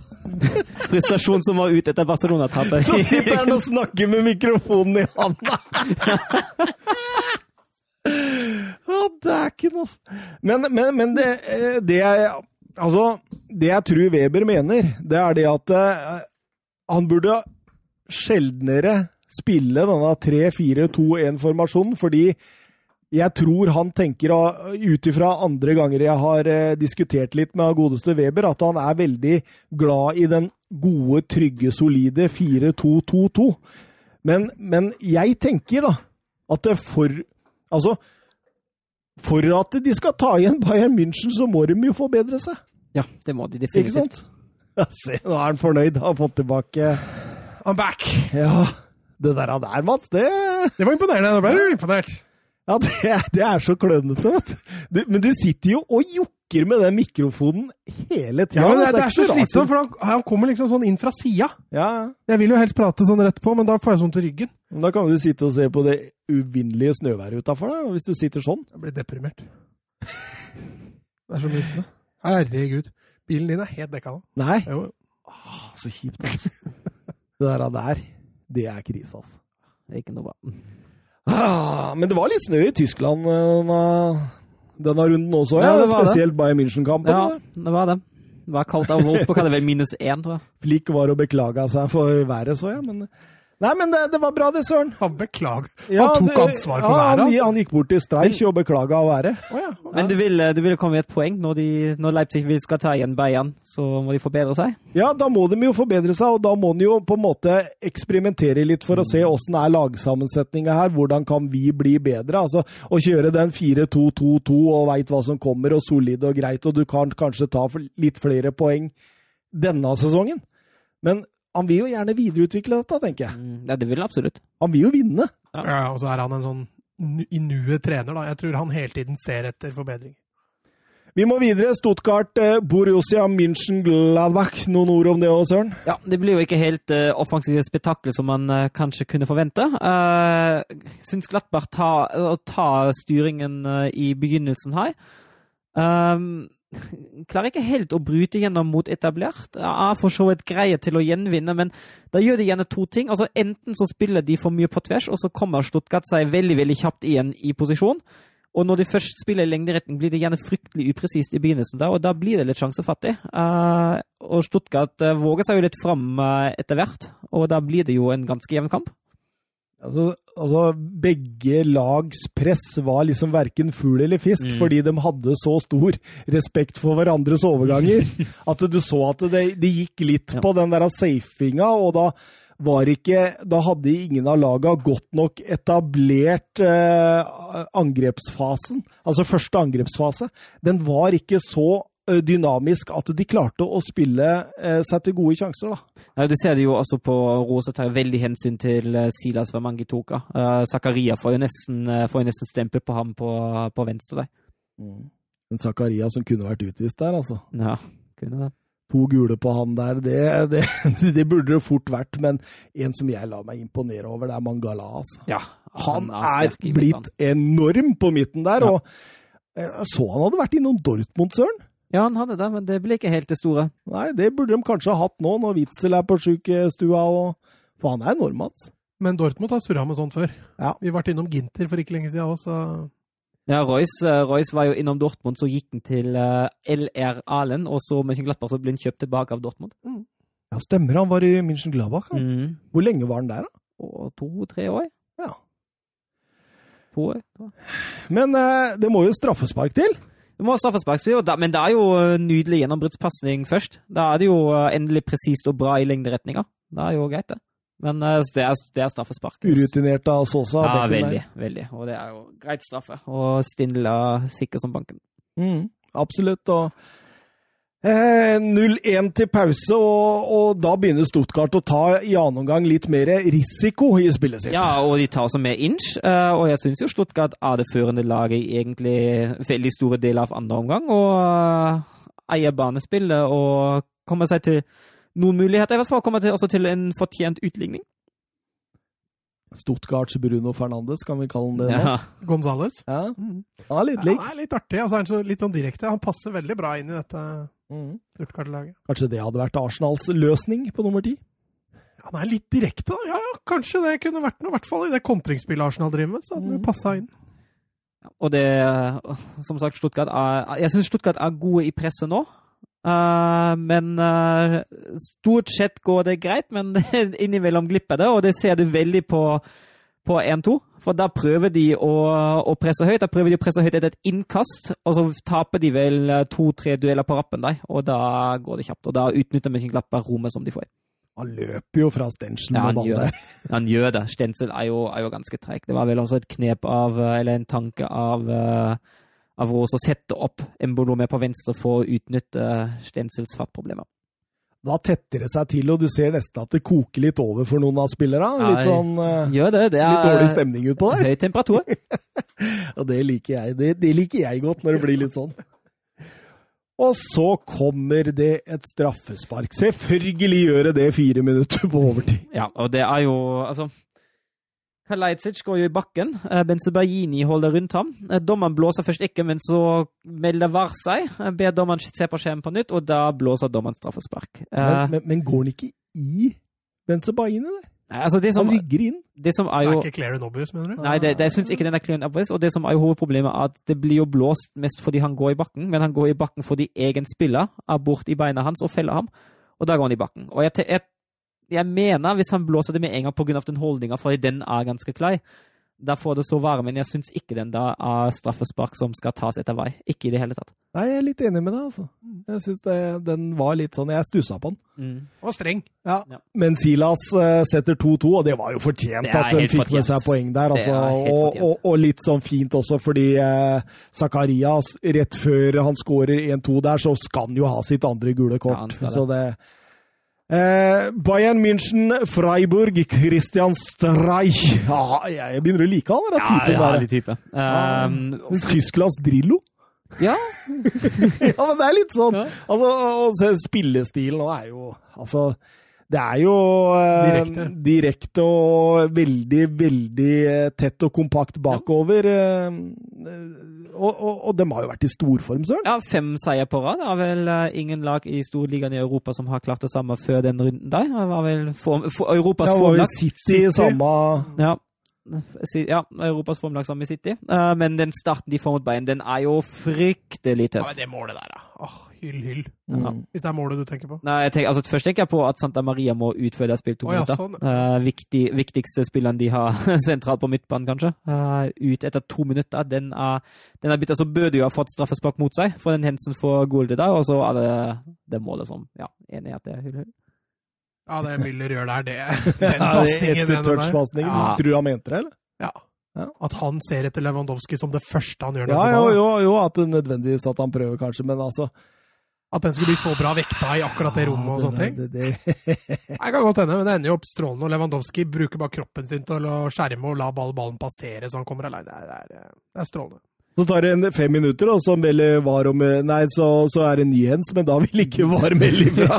Nei, men uh, jeg syns jo Bayern uh, fort burde ha fått i hvert fall ett straffespark de første ti der. Ja, absolutt. Absolutt. Jeg er helt enig. Uh, Men de første ti, da syns jeg nesten dette har sett ut som gode, gamle Bayern, eh, som vi har sett dem store deler av forrige sesong under Flick. Dette er, den åpningen de har, det er strålende. sette høyt press og komme seg rundt på kant og slå i midten og skape gjennombrudd og sjanser. Ja, og, men, men, men, men søren. En ting jeg la merke til utover i kampen, så du eh, Altså, de to fremste ledda til Bayern München lå ganske høyt, og, og i høyt press, Men så du Forsvaret trakk litt dypere? Ja. Altså, så, så det virker nærmest som at Flick liksom på en måte har lært litt av å, det der er bakrommet alle tar oss på nå. Ja. Det skal vi ikke bli tatt på nå. Nei, jeg lurer på når folk begynner å slå i mellomrommet. Ja, ja. ja ikke sant? Ja, To-tre kamper nå, så begynner de å slå foran der og stikke ut Jep. isteden. Det er akkurat det som kommer til å skje. Men, eh, ja, nei, men altså, det er fint at han, at han justerer og Bayern, altså Bayern klarer ikke å holde det nivået der ut kampen. Jeg syns jo i første omgang Bayern, Bayern kontrollerer uten å dominere, men Bayern er jo det beste laget. Jeg, jeg skrev her i notatene mine ser jeg, at dette er en av de mindre underholdende Bayern München-kampene jeg har sett på svært lenge. Ja, Litt av Freiburg sin skyld, og jeg syns de er bra. altså. De stenger Bayern. Det er som du sier, De første ti minuttene ser det litt ut sånn som det skal bli med Dortmund mot Mainz. Mm. Total enveiskjøring, men så jevner det seg ut. Absolutt. eh, En eh, dobbeltsjanse til Bayern München etter 58 minutter der. Leva i tverrleggeren før Müller på returen, og Florian Müller er strålende med. Strålende redning. Det er klasseretning, altså. Ligger helt nede i stolperota der. Så litt ut av ingenting. Nils Pedersen. Ja, bytta inn, bytta inn rett før. Han er jo den beste målskåreren som innbytter i Bundesligas historie. Var hans 28. han skåra som innbytter. Nestemann på lista er Claudio Pizarro med 21, så de sier jo sitt. Skåra mot, uh, mot gammelklubben. Og for det første var det jo et fullstendig unødvendig hjørnespark av Davies. For det andre slipper jo Davies uh, Petersen på andre stolpe. Der, er bakerste stolpe. Det er jo Og jeg har aldri sett en bedre dobbeltredning som har vært mål. Nei, den noier med fotparaden der, ah, gud bedre. Begge er inne i mål, da, men Hadde ikke den vært inne i målet, hadde jeg vært uh, Fy fader, ja. Ved Müller, nei, Müller sier jeg Noyer leverer på et enormt nivå for tida. Ja, altså. han gjør det. Han er, han er i, tilbake i toppform. Og det Ja, er helt, helt der han var, egentlig. Ja. Nybella, Åssen gjør han det for Nei, tida? det, det der, der er et sorgens kapittel. Men det- dette spådde vi! Ja, Det gjorde vi. Det blir mye benk. Det blir mye benk, og det er sikkert mange andre Bundesliga-klubber som kunne tenkt seg Nybel. Ja, ehm, og da, da åpner det seg litt opp etter 1-1. Ja, det gjør det, fordi Bayern blir jo mer offensive umiddelbart. Du ser jo det Alaba. Han, han sitter jo plutselig og, og kommer med dype løp rett, eh, rett, ved, eh, rett ved boksen. Eh, de skaper mer overlapp på kant. Eh, de slår mer inn i boksen, og det, de setter høyere press på Freiburg med en gang. Og det gir jo betalt etter hvert. Da dominerer Pavar. Du er morsom, Er du. du ikke enig? Jeg syns Pavard er fryktelig svak.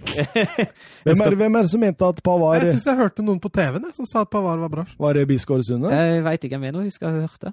Du, du er så glad i han, du. Så det, det, det, det Jeg syns, jeg syns Pavard var Jeg syns Pavard hadde en god del eh, posisjoneringsfeil utover i kampen, altså. Jeg syns ikke det var en, eh, en god kamp av Pavard. Jeg syns han var han var veldig rusten, og den formkurven han har nå, altså, den er, den er fryktelig.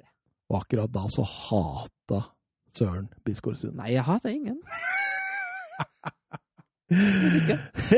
Men det ordner jo seg likevel for Bayern München da med Thomas Müller. Som så mange ganger før at han redder dagen på en eller annen måte. Eh, god avslutning der sånn. Eh, ned i bakken og ned i hjørnet. Ja, og altså godt av, av Bayern å overbefolke den boksen og slå inn. Ja, da var det jo et Bayern-trykk, egentlig. Ja. Og, Bayern er jo mye nærmere sitt tredje enn Freiburg av nummer to. Ja, utenom den helt på slutten. den aller siste mot slutten, men det har vært litt sånn klassisk Bayern i det siste om den hadde glippet da. Da hadde jeg faktisk ledd litt. Men, men det er jo det er fortjent at Bayern München vinner, og, og de var vel kanskje det eneste laget oppe i toppen der som vant også, da? Ja, det er jo litt typisk, da. Eh, når Bayern snubler, så snubler alle andre. Og når Bayern vinner, så snubler alle andre. Så Ja. det er liksom ikke mulig å få has på dette Bayern-laget, selv i en koronasesong, altså. Nei, og det er jo det, er jo det, som, er, det, som, det som du er inne på nå, det er jo det som er hovedproblemet i Bundesliga. At selv om Bayern har en litt dårlig sesong, har andre lag en enda dårligere og mer Mm. ustabil sesong. og så lenge ikke andre lag klarer å, å prestere på stabilt nivå, uh, og er der når Bayern ikke er der, da kommer Bayern til å vinne gull. Sånn er det bare. Og dermed, derav også Jørgen Be Ready Nystuen sitt spørsmål til oss, at eh, selv med fem poengtap på 16 kamper, er Bayern München ganske så overlegne. Lurer man seg selv litt hvis man faktisk går rundt og tenker at dette blir kamp om gullet i Bundesliga, og hørte at Neuhaus kan være på vei til Bayern München, er han god nok? Uh, jeg synes, altså, hvis, hvis spørsmålet om Neuhaus er god nok til å gi ordentlig konkurranse til Kimmich og Goretzka akkurat nå, da er svaret nei. Men jeg syns Men ikke er, er ikke han en litt sånn fattigmanns-Goretzka? Jo, han er det. Og det er akkurat det jeg skal inn på. fordi jeg syns, jeg syns ikke altså Neuhaus er 23 nå. Da Goretzka gikk til Bayern, var han også 23. Eh, Goretzka, eh, Neuhaus blir riktignok 24 i mars, men jeg syns ikke at Neuhaus nå er svakere enn Goretzka var da han gikk til Bayern for to og et halvt år siden. Nei, ok. Ok, spennende. Uh, og jeg mener at det kan utvikle seg i en veldig positiv retning. Det er jo ikke gitt at det nødvendigvis gjør det, men med Goretzka gjorde jo det. Uh, og jeg syns jo Neuhaus er en smart og god nok fotballspiller til å kunne ta en lignende utvikling som Goretzka, kanskje. Og Jeg synes jo, hvis, altså hvis jeg måtte velge mellom uh, Tolisso, uh, Råka eller Neuhaus, så hadde jeg nesten valgt Neuhaus nå. Ja. Råka virker langt unna. ja. Og Tolisso Ja. få den bort. Men lurer vi oss selv hvis du tror det kan på gullet? Ja, Så lenge de andre ikke presterer konstant, ja. Det er litt sånn der til Bayern vinner til slutt. Ja. De gjør det. ja, absolutt. De har flere Uansett strenger de å ja, feiler et par ganger. Det. spille på. Eh, Storkamp i Italia. Inter Juventus. Det er 175. utgaven av Derby de Italia. Det er litt sånn synd at den faller på samme helg som alle andre storkamper, på en Ja. måte. Jeg trodde jo også det skulle bli El Clásico på søndagen. Eh, Så det er jo typisk at den faller på samme. Så det blir ikke noe hovedkamp fra Italia nå heller. jo, det, det blir det vel ikke på en stund, tenker jeg. Men, men eh, for en maktdemonstrasjon av Inter. Og Barella. Ja, Barella. Men, men den offensive rollen han hadde i den kampen Han var jo mer som en indreløper, plutselig. mm.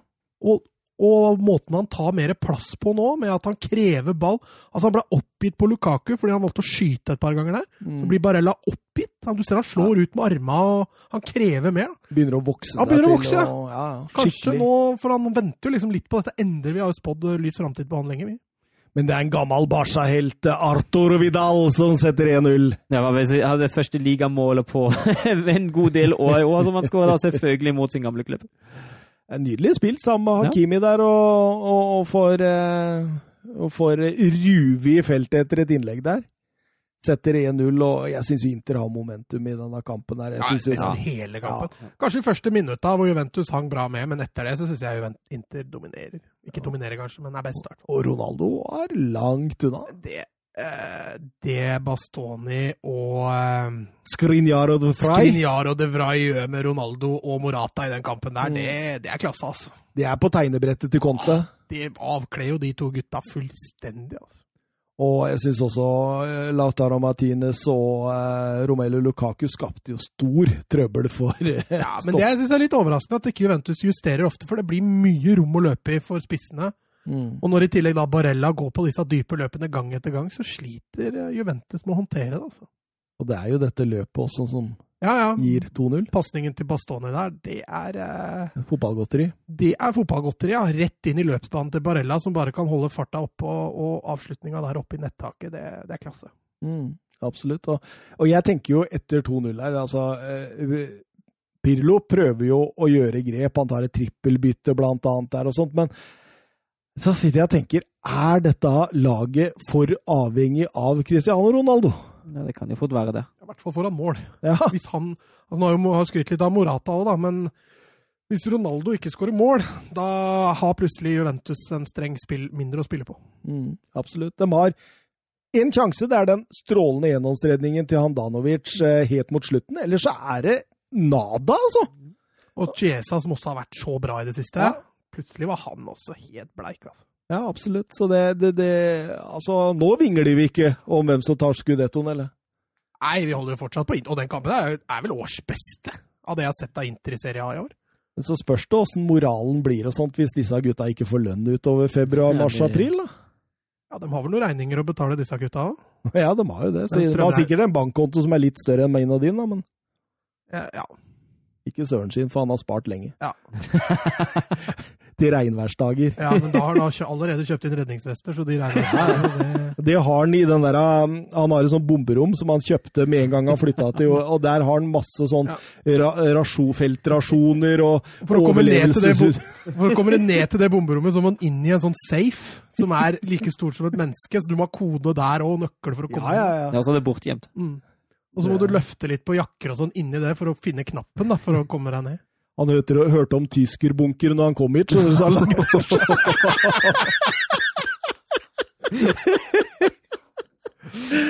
Moving on! Cagliari, AC Milan. Ja, det gikk jo alt etter planen til, for, for Milan ganske tidlig. Har ikke Milan fått mye røde kort i år? Jo, veldig mye. Jeg syns jeg ser dem spille med ti mann stadig vekk. ja. Sist var det Tonali, og denne gangen er det Salemekers. Det, altså, hvorfor Salemekers tar og drar ned han ja, der når du har altså. gult kort? Herregud. Altså, blir du langt inn på motstanders banehalvdel, så velger du å ta en for laget når du har gult kort. Det Må gå på konto for urutinert, eller? Ja. Men før det så er det jo Zlatan-show, da. Først skaffer Ja. han straffe, setter den sjøl. Er den litt soft? Er, eller er det bare ekstremt rutinert av Zlatan å gå inn foran der? Å få den straffa. Ja. Jeg også syns det er en billig straffe, men samtidig ikke billig nok til at VAR bør gå inn og Ja. gjøre om. Så ja, det er rutinert. Ja, rutinert, ja. Det, er- det er altså. Ingen tvil om det. Og Zlatan er jo rutinert også, Søren, når han eh, når han eh, Altså, det, det er et nydelig touch han har når han kommer seg foran der og setter 2-0. Ja, men den passing av Calabria òg. Mm. Den, eh, den han slår, det er jo, det er jo perfekt. Nydelig slått, men for all del sterkt av Zlatan, og godt satt i tillegg. Ja, absolutt. Absolutt. Eh, nei, altså, vet du hva? Det var en grei AC Milan-seier. Det Cagliari-laget, det Ja. De kommer jo litt da Ja, det de ble ti mann. De. Eh, Men det var mye dødballer de skapte litt på. med det. Milan vinner jo fullt fortjent. Kvaliteten i begge bokser var veldig avgjørende her. Mm. Eh, syns, eh, syns jo Romagnoli og Kjær nok en gang gjør en strålende kamp. Altså, de, de begynner å spille seg opp til å være Serie A's beste midtstopperpar. Ja. Eh, det er et eller annet med dynamikken der, fordi hver for seg så er de Individuelt, ganske ja, Mm. så det, Og jeg må jo si at Diego Godin er ikke det han en gang var. Nei, Han er ikke det. Skjønner hvorfor han fikk én sesong og tolv kamper for Inter før han ble sendt videre. Men eh, nå begynner dette her å spøke litt for eh, Juventus Ja. og sånn, for nå er det i ferd med De har en hengekamp, da, men eh, Og vinner de den, så er de jo fortsatt fire poeng bak Inter og sju poeng bak Milan. Vi nevnte vel det at denne Pirlo-ansettelsen kunne bli mer romantisk enn fornuftig. Mm. Og eh, ja. eh, nå skal det sies at. Milan og Inter tar fryktelig mye poeng, da. Mm. Har kun avgitt poeng altså i fem av åtte kamper, så det, det er ikke så halvgærent. Fem av 18. Unnskyld. Nå skal vi over til et uh, Twitter-spørsmål som skapte en god del diskusjoner før sending her. Uh, håper vi får tilbake det engasjementet. Uh, dersom norske eliteserielag skulle vært satt inn i det engelske ligasystemet, hvilken divisjon tror dere hver enkelt lag hadde vært i, og cirka hvor på tabellen ville de vært realistisk? Eh, ta gjerne også tyske ligaene neste uke, eller når det passer for dere. Så har vi hatt den engelske og den tyske, og da begynner vi med den engelske. Åssen gikk dere til verks? Det er jo litt vanskelig. altså det går jo veldig... Altså, jeg føler vi har en god indikasjon på Molde. Molde tok, eh, tok sølv eh, i Norge. Eh, Molde viste i Europa League overtok kamper til, til Arsenal mot et B-lag Arsenal som ikke var i form, at uh, det er et meget godt stykke opp. Uh, og det er ikke samme liga, uh, så jeg plasserte Molde trygt i et stykke ned i championship, ja. Ut ifra de prestasjonene der. Og da har du en indikasjon ett sted på tabellen, og så kan du jobbe deg videre, kan du jobbe deg videre derfra. Mm, mm. Ja, Det er så vanskelig å gi en nøyaktig tabellposisjon i en, Ja, det er i en liga, så det, så det blir liksom øvre eller nedre halvdel av en liga. da. Eh, og hvis du tar, eh, tar Molde, da, så er jeg også ganske sikker på den sesongen de har prestert i år, at det, det er i hvert fall ikke øvre halvdel i championship. Nei. Det tror jeg ikke. Nei, absolutt ikke. Eh, jeg, tok, eh, jeg tok det sånn bolkevis, jeg, da. Eh, jeg prøvde altså, så jeg også OK, de, de, de fire største, beste laga i Norge som på en måte har Har på en måte det største potensialet, da, tenker jeg. Eh, Vålerenga, Molde, Rosenborg og nå da Bodø-Glimt har jo kommet voldsomt. Ikke Lillestrøm. Nei, ikke Lillestrøm, Nådde dessverre. de ikke opp i den bolken? Nei, de, de, de ble plassert litt lenger ned enn disse laga. Jeg, jeg, jeg tenker jo at disse fire de har en sånn Jeg sjekka team-valuen på Transfermarkt, og den ligger altså Vålerenga er ganske langt under de tre andre. De tre andre ligger på rundt 14 millioner euro, mens Vålerenga ligger på 7,6. Men jeg, jeg føler at Vålerenga er en sånn klubb som liksom er litt på vei opp, da, og som kan eh, Og jeg plasserer disse cirka midt på eh, championship-tabellen. Cirka midt på. Eh, eh, kanskje litt under. Jeg, jeg tenker jeg setter dem rundt Blackburn, Barnsley, Stoke, Middlesbrough. Altså det, det blir litt høyt igjen. De har en sånn lagverdi så er jeg på 71 millioner euro og sånt. og da, Det er ganske svært eh, sprik. Og jeg syns den blir litt dårlig å sammenligne, da, den, den Ja, men det er fordi- en indikasjon, Mats. Jeg Jo, sier ikke at Nei, det men Hadde du hatt de samme laga, da Dette blir jo hypotetisk. Men hadde Ja. du hatt dem samme der, så tror jeg verdien på de spillere hadde vært annerledes. Ja, for så vidt. Fordi markedsverdien på en norsk spiller i Eliteserien Ja, er ikke den samme som helt, helt enig. Men en indikasjon, sier jeg. Det er en liten indikasjon. Ja, den er liten. Men, men jeg, jeg tror jeg ville plassert dem cirka midt på, sånn Barnsley, eh, Blackburn rundt i det eh, området der. Eh, så har jeg, så jeg delt inn i neste bolk, altså Kristiansund, Stabekk, Godset, Haugesund, Brann og Viking. De ville jeg hatt sånn altså jojo mellom championship og league one. At de, de, de, kan liksom, de kan holde seg noen sesonger i championship, men du kan også rykke ned til league one og kjempe om liksom litt opprykk i, i, i det sjiktet. Sånn. Fortsatt Altså- ikke Lillestrøm med, altså. Nei, det, Herregud, er du supporter, du? Ja, men du får lov å si din mening, så skal jeg si din mening. Nei, jeg skal bare rakke ned på din, jeg. ja, ja. Og så har vi neste. Det er eh, Lillestrøm, eh, Sarpsborg, Mjøndalen. Odd Grenland, oh, ja. Sandefjord, Tromsø og Mjøndalen. Og de vil jeg ha sånn på midten, nedre halvdel av League One. Eh, såpass langt ned, altså, føler jeg.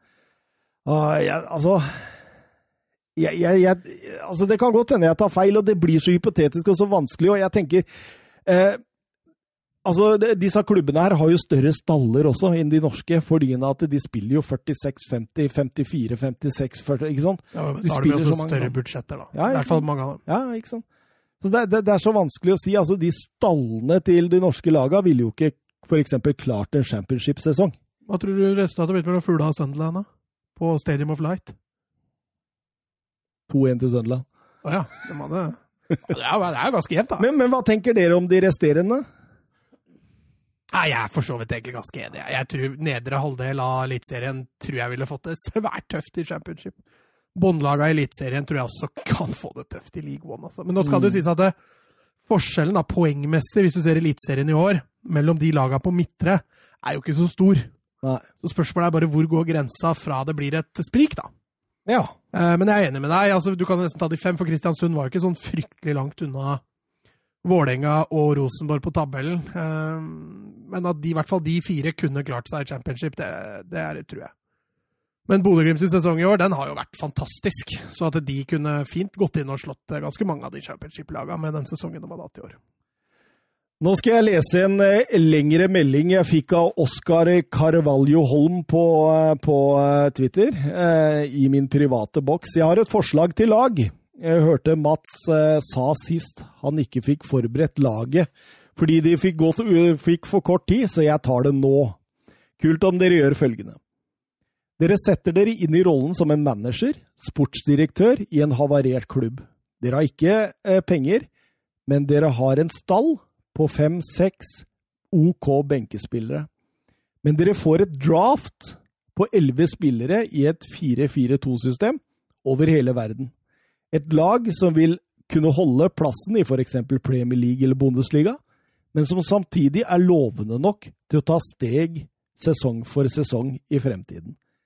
Kriterien for draft ikke lov å hente mer enn én spiller fra en og samme klubb. Spilleren kan ikke være verdt mer enn 10 millioner euro på transfermark. Håper dere vil ta utfordringa mi. Den er skikkelig morsom. Den var gøy. Den var Den gøy. er fantastisk. Og da Holdt på å si Søren, har du en penn, eller? Men jeg har en penn, jeg. da Jeg skjønner ikke hvordan vi skal klare å bli enige på dette, men Nei, får prøve. Men, vi får, vi, altså, bedre diskusjoner. Nei, vi, vi, bedre tar, vi, vi tar nederlaget før vi har begynt, i hvert fall. Det er ingen tvil om. Ja, Vi kommer ikke til å bli ja, enige er her, Oskar. Dette, Sorry, Oskar, dette er det dummeste spørsmålet du kunne ha stilt! Kommer aldri til å bli enige. Nei, vet du hva, og da gjør vi det som følger. At eh, Søren begynner på keeper, høyrebekk, og jeg tar venstrebekk. Og så gjør vi den vanlige rulla igjen. Og så, og så kommer vi fram til et Vi må det, Mats! Jeg kan jo starte på keeperen. Og da var det Altså, jeg, jeg tenkte, da jeg gikk inn på det, jeg tenkte jo litt at da må det jo passe litt med, med alder og kvalitet nå. Uh, Nei, det er så fryktelig mange spillere. jo, Så det at, å oversette noen her, det har du helt sikkert det har man sikkert. Uh, men man må jo bare bli enig med seg sjøl etter hvert om, om noe. Og så har jeg jo også gått Altså, jeg hadde f.eks. lyst på en keeper her, uh, som jeg droppa fordi jeg fant en annen spiller fra samme klubb, som jeg heller ville ha inn. Fordi jeg mente at jeg fant en bedre, et bedre alternativ på keeperplassen enn jeg gjorde da på en høyre ving. var det. Mhm. Eh, fordi jeg ville egentlig ha inn Gregor Kobel, uh, Stuttgarts keeper. Jeg gikk bort fra ham fordi jeg seinere kommer til å fremme en Stuttgart-spiller. Men uh, jeg kan da fint ende opp på for eksempel Nubel. Han er jeg. Han er jeg. Ja. Da er det to mot én. Ja. ja, ja, så skal vi gå videre. Er du nybil da? Ja, ja, ja, altså nybil var én av tre. Mm. Jeg vurderte også Paul Lopez, Mm. eh, litt på, på grunn av rutina. Altså vi, altså, vi skal hente keeper her. En keeper som vi skal Nybel er jo 24, da. Jo, jo, men, jo, men rutine nok eh, har han jo ikke enda. I forhold til Paul Lopez. Nei, nei. Du får jo mer ferdig keeper som samtidig har mange år igjen. Mm. Så, så, så, så, det er liksom den, eh, den jeg tenker på. Så det var han, og så var det Emil Adero, som jeg har vært veldig imponert over i uh, Sampdoria. Så de tre var det det står mellom. Men at uh, dere velger Nybel og jeg henger meg på, det er ikke noe nederlag for meg. Da er Altså. Bayern ferdig. Ja, men det er ikke så er ikke så mange, spillere. Nei, det spillere. den eneste andre var egentlig Mosiala. Ja, Ja. altså, uh, men Jutsan sa han er bare leid ut, så det teller ikke, eller? Mm. Han i Marseille. Der. Eh, Sjuson. Sju, var det ikke det jeg sa? Ja. Han er bare leid ut, så kun kan velge han. Ja, kan, kan jo det. Kan jo det. Han er langt bak, altså. Det er ikke det. Er han det, altså? Ja, på den sentrale midtbanen. Nei, jeg skal kjempe for noen seinere i dag, men, eh, men eh, jeg, ja, ny, Nybel, for all del. For all del. Det er helt greit. Jeg er med. Jeg er med, gutta. Eh, Høyrebekk, Mats. Ja, så jeg har jo fortsatt litt eh, forkjærlighet for Thomas Tavares, da. Selv om han hadde en svært svak sesong i Alaves og er nå tilbake igjen i Benfica, så mener jeg det er et ganske stort uh, høyrebekk-talent. Um, kan absolutt være aktuell. Og så har du jo Lars Bender. eh, litt mer rutine. Ja, han legger opp etter sesongen, da. Ja, det er litt dumt å drafte han, kanskje. Ja. Så da stryker vi han. Eh, og så kan du også dytte Aksel Tuan Sebe ut på høyrebekken. Det var også noe jeg vurderte. Men jeg, selv om jeg har sett litt lite av han, så velger jeg likevel å gå for Neko Williams i Liverpool. Åh, han er en av mine tre alltid. Siden det er så mange spillere, så har jeg plukka ut tre ja, i, i potten, og han er en av mine tre i potten. Eh, Jeg, jeg har noen andre kule spillere. Ruben Aguilar i, i Monaco. Uh, 27-åring. eh, Fikk en landskamp for Frankrike nå sist sesong. Eh, kom fra Montepiller eh, før fjorårssesongen, tror jeg. Og et sånt sant et igjen produkt som på en måte har tatt stega litt seint, da. Men, men, men kommer godt nå. Eh, var også innom eh, Brendan Soppy i renn, en 18-åring. Eh, kalles for the next, next big thing i renn. En eh, høyrebekk blir ved 19. i februar, tror jeg. Tråla next big thing. ja, i, i renn, ja. Han har ikke fått et kallen, han har ikke fått en sånn nye Aurier, liksom. Nei, han har ikke det. Han har, ikke det. the han har bare blitt kalt den neste Den store. neste store, ja. Eh, han, har, han har fått både Champions League-fotball, han spilte begge mot Sevilla blant annet, kan ha sett den der, og, og masse League Ø-erfaring denne sesongen. Eh, Ser veldig, veldig spennende ut. Eh, så har jeg, jeg har eh, Sociedad Scorosabel, som ser bra ut. Eh, og i Real Madrid kan være et alternativ. Ja, ikke så fan av han, ja. Nei, han har jo ikke spilt noen ting heller. Eh, Hvis vi skulle gått på mer rutinerte spillere, så, så, så syns jeg jo Kofal eh, Ja, for eksempel Ander Kaba, Kapa. Ja, i Bilbao, ja. Men eh, jeg, jeg, er- jeg er med på Neko Williams, ja, for vi kan ha en offensiv høyrebekk sånn ung. Ja. Ja, ja, jeg valgte Nico Williams òg. Ja, du har gjort det? Ja, ja, ja. Endte opp med enig med Mats. Eh, Hadde du noen utfordrere til henne som jeg ikke har nevnt? Tenkte du litt på Barbo i Wolfsburg? Ja. Altså bare 25. eh, og Muldue i Sassolo. Jeg tror den oppturen med å velge Neko Williams Altså, det går Altså, jeg har hørt at de sier at han er bedre Altså, altså et større talent enn det Trent Alexander Arnold er. Mm. Men det er det som kan bli banen hans òg, at det, Ja. han blir i skyggen til Arnold, liksom. Så det, det, det er jo det som blir problemstillinga i, i dette her, da. Skal vi være safe, eller skal vi Men eh, ja, Neko Williams, vi, vi setter den. Vi er jo alle tre enige, så hvorfor Hvorfor kjøre noe mer på det? Eh, på venstrebekken eh, Der kommer jeg på mange. Veldig mange. Eh, det, en som jeg liksom virkelig eh, tenkte meg godt om, det var eh, Roman Parot på, i Brest. Han, eh, er, eh, han har hatt enorm sesong i Brest denne sesongen. Han har eh, på 18 kamper tre mål og fem assist. Blir kalt eh, League Øs beste venstreback. Eh, bare verdt 8 millioner på transfermark. Tror det er veldig mismatch, for det snakkes om det franske landslaget allerede. Eh, og store klubber driver og sikter den inn.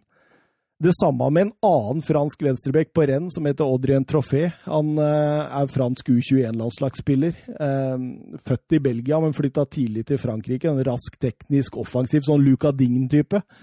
Eh, som ser veldig, veldig spennende ut. Og, og det er mange. Borna Sosa på Stuttgart kunne man ta. Calafiori på Roma. Spennende type. Katterbach i, i Köln. Bra. Vinagre som ah, Det er ikke noe sunnhetstegn at han ble lånt ut fra Wolverhampton denne sesongen, men eh, jeg syns det er vanskelig å komme unna Perrault eller Firpo.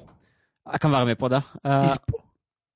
Junior Junior Firpo. Ti millioner. Jeg har, jeg har, en, jeg har en til fra, fra, fra ligaen. Jeg lander litt på han eh, Mitchell Bakker uh, i PSG. som nå måtte jo fylle litt store sko da Ben Napoli skal, men gjorde sakene sine strålende. Sånn god offensiv venstreback nå, bare 20 år gammel. Og han uh... Det er mye her, altså. Ja, Men han har jo eh, også litt på Ludvig eh, Augustinsson. det. mm. Han også har jo vært meget solid. Og. Juan Miranda i Betis har også vært det, meget er, det er generelt en del i Bundesliga. Jago i Augsburg, uh, Augsburg også. Marcelo i Real Madrid. Da, da jeg vi vi, kamper. rutinen, får vi rutinen der, i hvert fall. Men jeg kan godt være med på en av de du foreslo, Thomas. Også. Det, det, det er kult med, kult med wildcardet Perrault, er det ikke det? Enig. Hørtes veldig bra ut. Mm. Ja, jeg har heller ingen jeg brenner sånn fryktelig for. Så hvis dette Joan er... Miranda. Ja, ja, men han foreslår jeg. Nei, skal vi sette Roman Perrault, Ja. så, så ja, det er eh, når, når, når det går gjetord om at det er League Øs beste venstrevegg da må vi da må vi slå til på den. Ja. Og så får vi heller bli lurt av de agentene som lurte oss.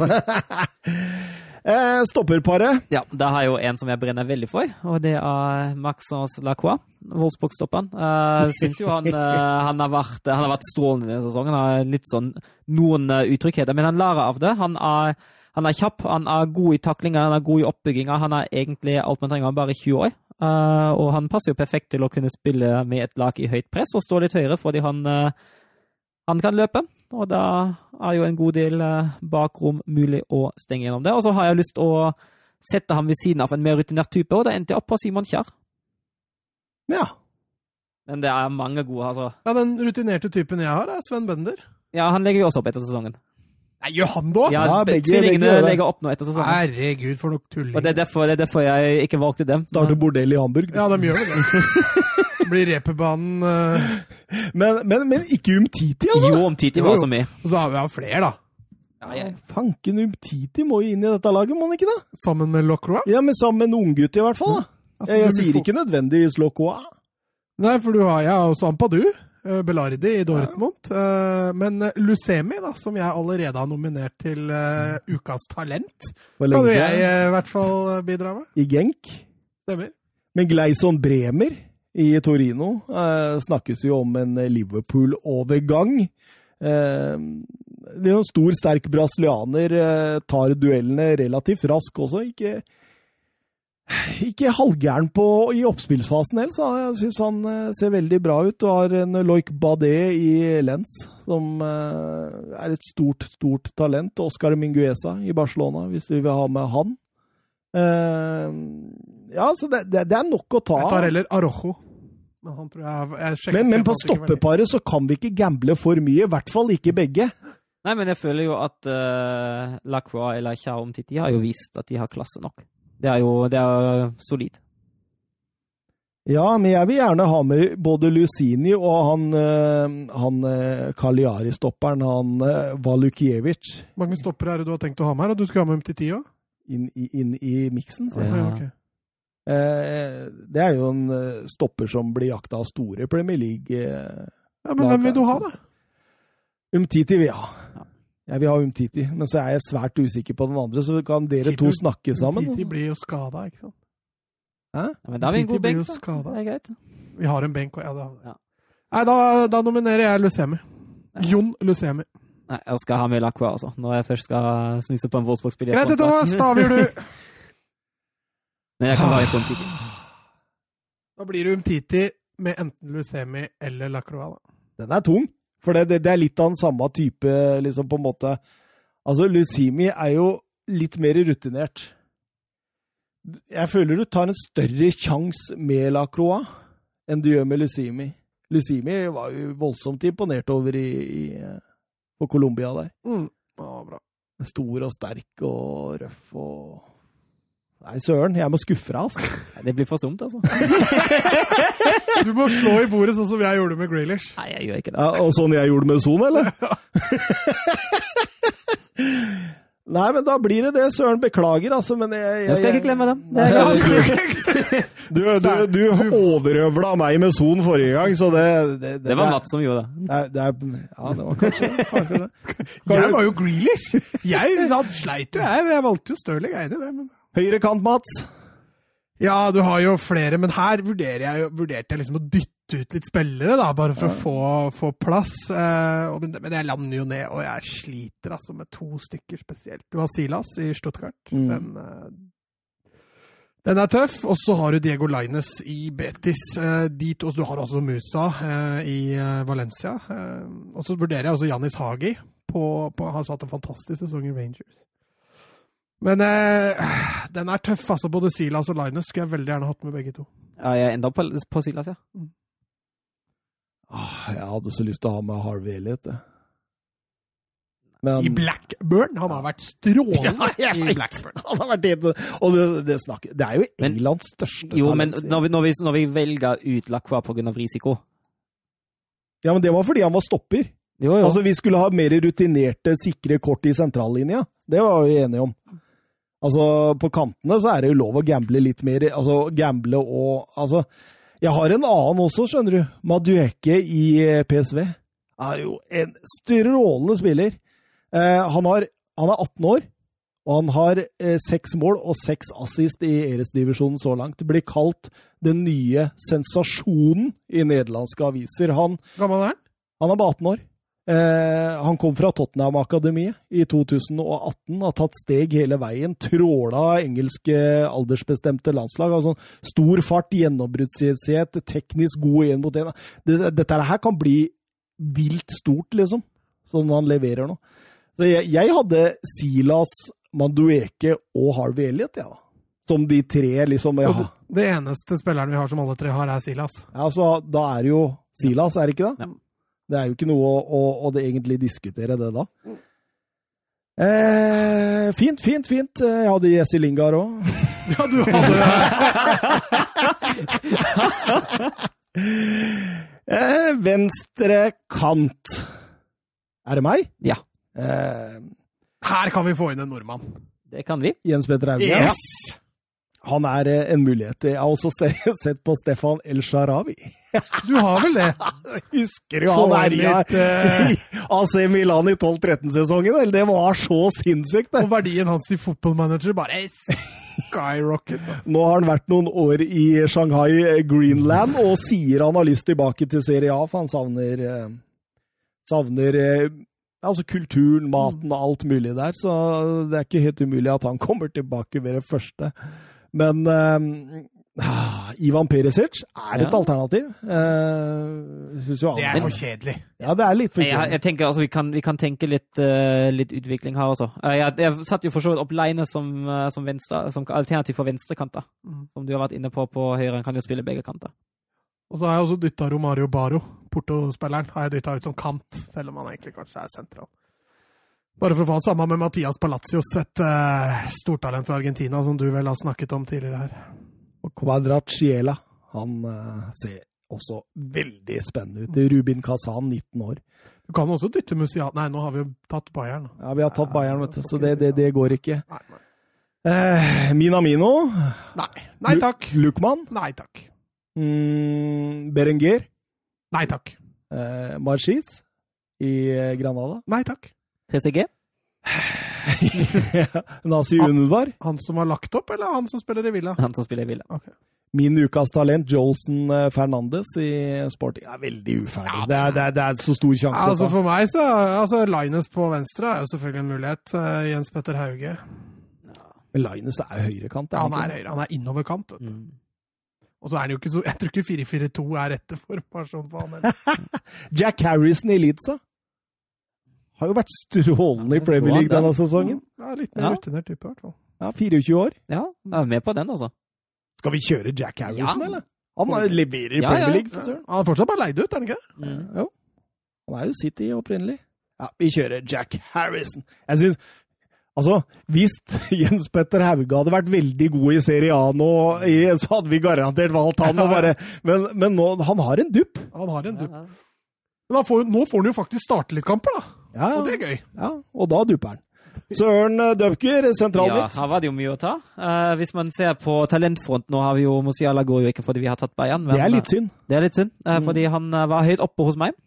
Men, Eh, men, skal, men skal vi ha én rutinert og én ung på sentralen satt- eller? Jeg setter sett opp én en veldig rutinert og en sånn medium rutinert, ja. Ja, ok, eh, som kul, har potensial. kul, kul, kul. Um, altså Hvis man ser på talentsiden, er det jo Samatsic, eh, som vi har vært inne på tidligere i podden, som eh, kan fint velges. Billy Gilmore i Chelsea og Emal Smith-Roe uh, i Arsenal. Eventuelt Gibbs White i, i Wolves. Mm. Uh, det er jo litt, eh, litt å ta. Uh, jeg bestemte meg etter hvert for å i hvert fall gå for Busquets. Eh, han har jo markedsverdi på 10 millioner, 32, eh, men han er jo, altså, han er jo fantastisk kvalitet. Men har fortsatt. vi ikke Umtiti, ja? Jo, vi har det. Fader, det har jeg ikke glemt på. Det har jeg ikke tenkt på. Ja, ja. Men jeg tror kanskje du skal nevne Modric da, i så Ja. fall, da, som den rutinerte. Der Ja, eller. Rakitic. Ja. Nei, Nei, men Tyler Modric. For Modric. Ja, tre år yngre. Tyler Modric, også. Ja, men hvor lenge holder Modric, da? Har du sett han i Real Madrid? Ja, ja, men hvor, hvor lenge varer dette? Hvert fall i to år til. Tre Tror du år. det? Nei, ja. 38, liksom? Han flyr rundt der og Nei, er ikke Real? Madrid, da, men at han tar et par år et annet sted, det tror jeg. For du ser fysikken men 35 år skal vi ha en ja, altså jeg, Nei, jeg- jeg er helt jeg- enig med Busquets. Jeg er liksom sånn egentlig isolert Ja, sett at han hadde vært tida. perfekt. Men jeg tenkte Men, jo i forhold til defensivt, da, så Jeg har litt lyst på Ever Banega òg, jeg, da. Men uh, den, andre Tenk så romantisk å få en Banega her, da. den andre jeg satt på, var Freiburg Santa Maria. Mm. Han som uh, skada seg nå etter to minutter mot Bayern, dessverre. Men han er en, eh, han er en god, eh, god midtbanespiller i begge retninger, både defensivt og offensivt. Teknisk sterk, god i duellene og ja.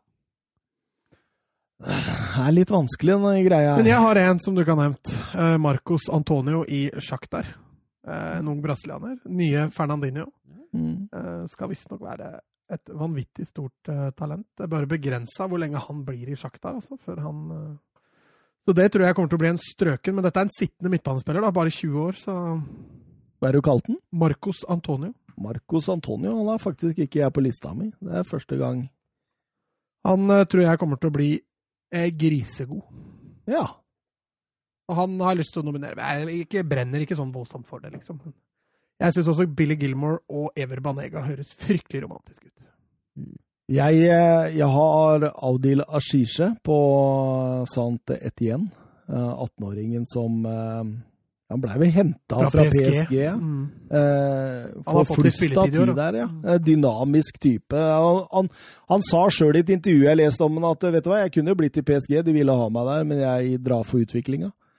Så det blir eh, spennende å følge han. Jeg har Choussan på eh, Marseille. Marseille. Jeg sier at han er for Marseille. eh, Moises Caicedo, som blir jo veldig mye snakka om, var jo hausa voldsomt til United ja. Ja. Moriba i Barcelona hadde vært gøy, men der har Umtiti tatt plassen. Mm. Conor Gallagher, som er lånt fra Chelsea til VBA, har jo vært strålende for gi et dårlig VBA-lag. Mm. Så det er nok å ta Sofiane Diop i, i Monaco. Um, strålende spiller. Um, det, er, det er vanskelig.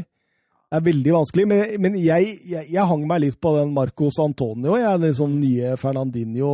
eh, men da vil jeg ha en litt mer rutinert ved siden av. Ja, Marcos Antonio er bare 20, så det, um, det Men jeg hadde jo Hva var det jeg sa jeg hadde? Banega og Gilmore? Ja, det egentlig. Men jeg er i hvert fall med på Marcos Antonio. Så da blir det Ja, Marcos Antonio og Ever Banega, da. Gonzalo Villara i Roma, 22 år. Skulle ikke du ha mer rutine? Jo, men jeg, jeg, jeg, jeg, jeg bare blander inn navnet her, fordi han vi- var jo strålende i den siste kampen jeg så Men vi- Roma. Unai Lopez i Bilbao, Ja, ja. 25. Absolutt uh, brukende, det der, der, altså. Åh, det er tungt. det er tungt. Hannes Wolff har vi, vi har Dennis Suárez, eh, Simone Verdi, eh, Mario Lemina. Eh, Steven Nsonsi. Da får du rutine, i hvert Da får Da du får du to sittende midtbaner, da. Ja, det er det som er litt av problemet. Eh, Dahoud i Dortmund Ja, det går an, det òg. er helt Du er eh, ikke så imponert over ham? Nei, men altså, på det, altså hvis målet er å holde seg i Premier League Bundesliga, er jo han Dani med en gang, da. Parejo. Ja, Ja. den er, Den- den er jeg med på. faktisk, hvorfor har ikke jeg notert den, da? For den så jeg jo. Ja. ja, men kan vi ikke gå for Parejo, da? Det hadde vært litt kult, Ja. for da har du den offensive, Ja. den defensive. Ja, vi gjør det. Ja. Dani Parejo og eh, Marcos Antonio. Da har vi angrep igjen, da. Det er meg. Altså, jeg, jeg eh, Er det ikke Mats? Nei, det er Mats, ja. Jeg har vært superromantisk når jeg har valgt spisser her. Eh, Jeg tenker at får vi med Jago Aspas, så rykker vi ikke ned. Han skårer nok mål. Han eh, ordner det allikevel, Mm. så at Aspas må med. Og nummer to, dessverre veldig skadeutsatt, men mer romantisk enn Chimi Avila blir det jo ikke. Å, jeg elsker Simi Avila. Med, med to korsbåndskader så hadde jeg vært litt redd å hente han opp på rad. Men du, altså, jeg har notert altså, Josep Ilcic, uh, Sirksi i Bayern for å få litt unggutter, Vea i, i Lill. Uh, så det er jo Men har vi råd å ikke velge Mokoko? Nei, jeg syns ikke det. Ja, Mokoko. Ja. Ja, det, han har vi ikke råd til å ikke velge. Det, men- Men de er veldig med på å sette Mokoko ved siden av Aspas. Da får vi, eh, får vi også rutine og ungdom. eh, og vi får også litt, eh, litt spillertyper som kan være godt og kompatible. Enig. Istemmes. ja, det er for så vidt Lasana Traore var et alternativ. Ja, jeg hadde han i Ajax, ikke sant? Mm. Ja, han fant jeg òg. Jeg, jeg har slitt veldig lenge med den ved siden av Mokoko, og så tenkte jeg Traore, med tanke på spillestilen, at han er litt mer holder litt mer på ballen. Eh, det kan fungere fint med de to, altså. Jeg var til og med på, på Mariano Diaz og Edin Seco. Ja, men Seco tar du rutinene. Men, men, eh, men eh, kjempe, kjempefint med Jago Aspas. Altså, kortsiktig, men kanskje La Ligas største måltyv. Ja, så er han jo lo og så er han lojal, vet du. Får du han på laget, så han drar ikke noe sted. Han har prøvd Liverpool, det funka ikke. Ok, da blir det i mål. Alexander Nybel. Det blir Neko Williams på høyrebekken, mens det blir Roma Parot på venstre bekk. Det blir Omtiti og Lucemi. Hva er det, hva er det, hva sa Det jeg? var min reaksjon på midtstopperen. Han syns du, skal nevne Lacroix. Ja, jeg, det, ja han, det, er, det er protest. Det er protest. Protest mot programleder! Det er anarki, dette her går. Han kommer ikke neste gang. Omtiti og Lucemi. Boo! Silas på høyre. Og så har vi da Jack Harrison på venstre kant. Vi har eh, Marcos Antonio og Daniel Parejo på sentralen mitt, midt, og Mokoko og Aspas på topp. Det. Det, det, Det er, det er, kult lag, Det er det der. Altså. lag, altså. Det holder seg fint i Bundesliga og Premier League. Ja, nå må vi jammen forte oss videre her, fordi eh, ja, nå har jo folk etterlyst lengre episoder, så kanskje vi skal bare toget, nattoget til Søren og. Det er helt, helt krise her, men La Liga-teamet, for nå har vi jo valgt et eh, Premier League-lag, eh, fikk litt kjeft eh, på Twitter. Uber, nei da. lov å være, lov å være uenig. Det blir jo det blir en veldig fin diskusjon, syns jeg. Ja, og vi, vi har eh, valgt et serialag uka før det, og da har vi kommet til La Liga-laget nå, som skal kjempe med de to andre lagene om å, å bli det beste laget på Twitter etter hvert. Da. Det er det som er målet her. Og, og hvem velger vi som keeper? Er det noe? Nei, det går for Oblak. Kan Det si at tre-tre valg. da. Det Ja. er Oblak og Mats og Courtois. Ja, det er de tre jeg har, og jeg valgte Oblak. Er Oblak og Mats, Mats? Mark, André, Åh. Per Stegen. Å, ja, ja. Så det var de tre det sto mellom, men jeg også, selv om det er en liten favør Oblak altså Den keeperen får du ikke noe tabber fra. Altså Det er samme hva han blir satt på prøve på, han fikser det. Vi krysser den. Jeg syns ikke det er noe tvil, jeg. Selv om altså, det er Oblak, og så har du Courtois og, Mats, som du sier, eh, rett under. Høyrebekk, jeg sleit. Ja, jeg òg. jeg har faktisk valgt Trip hjem. Til tross for, uh, for bettingdom og alt, men Ja, Fifa har gått og Ja. tatt den nå, nå. Ja. Så nå må de. ja. Det er ikke bare FA. Ho, ho, ho. Men uh, altså, men det jeg Jeg skjønner det, altså. Hvis du har gått til kompiser dine og sagt 'nå better dere på at jeg går til Atletico', Ja. altså det er å bryte inn i Så den, jeg skjønner at han får en smekk. Altså. Jeg gjør det. Men altså, det han har levert på banen for Atletico, det har vært stort. Jeg syns han, eh, han har vært strålende. Eh, jeg vurderte også både Cavajal og Des, men jeg syns Trippier kommer best ut av det her. Men uh, de skal jo spille mot dette laget nest, om et par uker. da. Han er fortsatt suspendert, da, så da må jo La Liga spille med én mann, en mann mindre. da. Dette er bare en sånn der taktisk greie fra Søren for å få et overtak. Få et overtak med Bundesliga-laget hans som vi skal ha neste. Nei da, men Trippier istemmes hadde også på, på Navas og Damian Suárez. Det var uh, Det har også vært bra. Suárez er jo en spiller, liksom nemesis-spiller. Ufin spiller, men samtidig deilig. Og Carvahall var jo også for så vidt Nei, men Dest vurderte jeg ikke. Jeg syns ikke han er i nærheten ennå. Men uh, Trippier uh, er uh, grei. Ja, Det er Trippier jeg har, så det er greit. Uh, venstre bekk, Mats. Ja, der er det jo litt flere å velge mellom. Eh, altså Renan Lodi fra Atletico. Du har eh, Ferland Mendy fra Real Madrid og Jordi Alba fra Barcelona. Og Gaia fra Valencia. Så har jeg tatt med to litt sånne wildcard. Nacho Monreal har jo fått en ny høst i Sociedad. Spiller jo egentlig ganske bra. Kan vurderes. Og Juan Miranda, som har eh, vært meget god på utlån i, i Betis eh, fra Barcelona. Men eh, jeg slet litt mer her om hvem av de tre, Alba, Mendy og Gaia, Mm. som jeg skulle velge. Renan Lodi falt litt ut. Eh, men jeg går for Alba. Ja, det gjør du selvfølgelig. Det gjør jeg selvfølgelig. Selv om jeg ikke har Jeg har sånn Ferland Mendy, jeg, nå, men da er jo jeg stemt ned. Mm. Bare den statistikken til Ferland Meny er jo nok egentlig til å Nei, men Vi må ha litt navn her. ikke sant? Vi skal ut mot andre lag. ikke sant? Ja, Du mener at Ferland Mendy ikke er Ja, han er kanskje ikke navn for Han den er ikke- allmenne. Nei, det er akkurat det jeg skulle fram til. Vi må ta ut bra lag. Hvis du, altså, hvis, du, en Real Madrid-fans vil skjønne hva vi snakker om. Mm. Men, og, og en som virkelig følger med, men uh, Alba klinger jo bedre. Jeg er enig i det. Jeg er enig i det. Eh, stoppere eh, Skal jeg ta den, eller? Ja, ja. jeg uh, vurderte Varan, Ramos, Jiminez i Atletico, Pau Torres i Via Villarreal, eh, Diego Carlos og Huls Condé. Og jeg kom fram til Ramos og Condé. Ok, jeg kom fram til Ramos og Jimenez, ja. Jeg syns Jimenez er for ustabil. Ja. Ja, så har jo, altså Nå snakker vi sesongen i år, så har jo ikke Jimenez spilt som heller. Savic Neida. har jo vært den beste stopperen til Atletico i år. Eh, sammen med kanskje Hermoso, faktisk. Selv om han har hatt litt eh, Pau Torres, hadde han. Men jeg istemmer deg. Jeg Ja, har også landa på Condé og Ramos. Selv om Piquet også var med i miksen der. altså. Da blir det ikke noe diskusjon, da.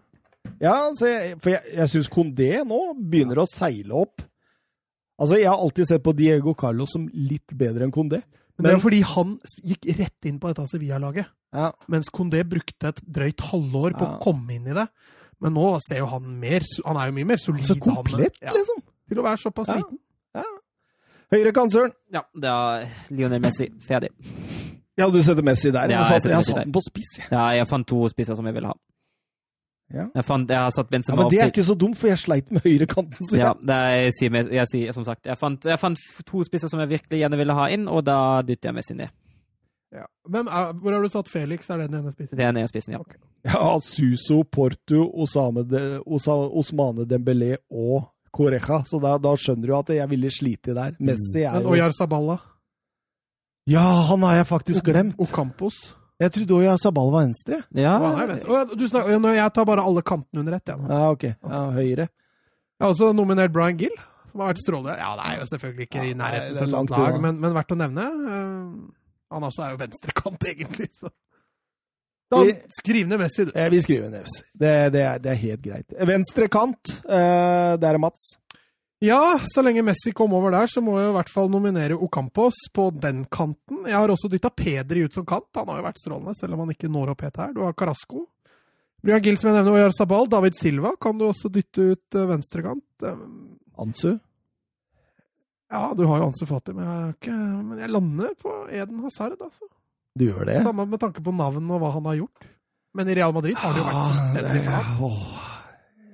det, er, det, det er noe som byr meg imot, siden han ikke har vist en puck i La Liga. Nei, men det er jo kvalitet. Ja, jeg, jo, jeg skjønner det. Ja. Jeg skjønner det, men eh, hvis vi skulle hatt halvsesongens lag men, da, men det blir litt flaut liksom, å skrive liksom, La Liga-laget og så Hazard. Jeg, synes, jeg føler liksom at eh, vi får litt på pukkelen for det. Ja, jeg skjønner hva du mener. Hvem, hvem har du på venstre, da? Ja, Lucas Ocampos. I, i, sterk, eh, I sterk konkurranse med Oyar Sabal. Ja, det er jeg som avgjør, da.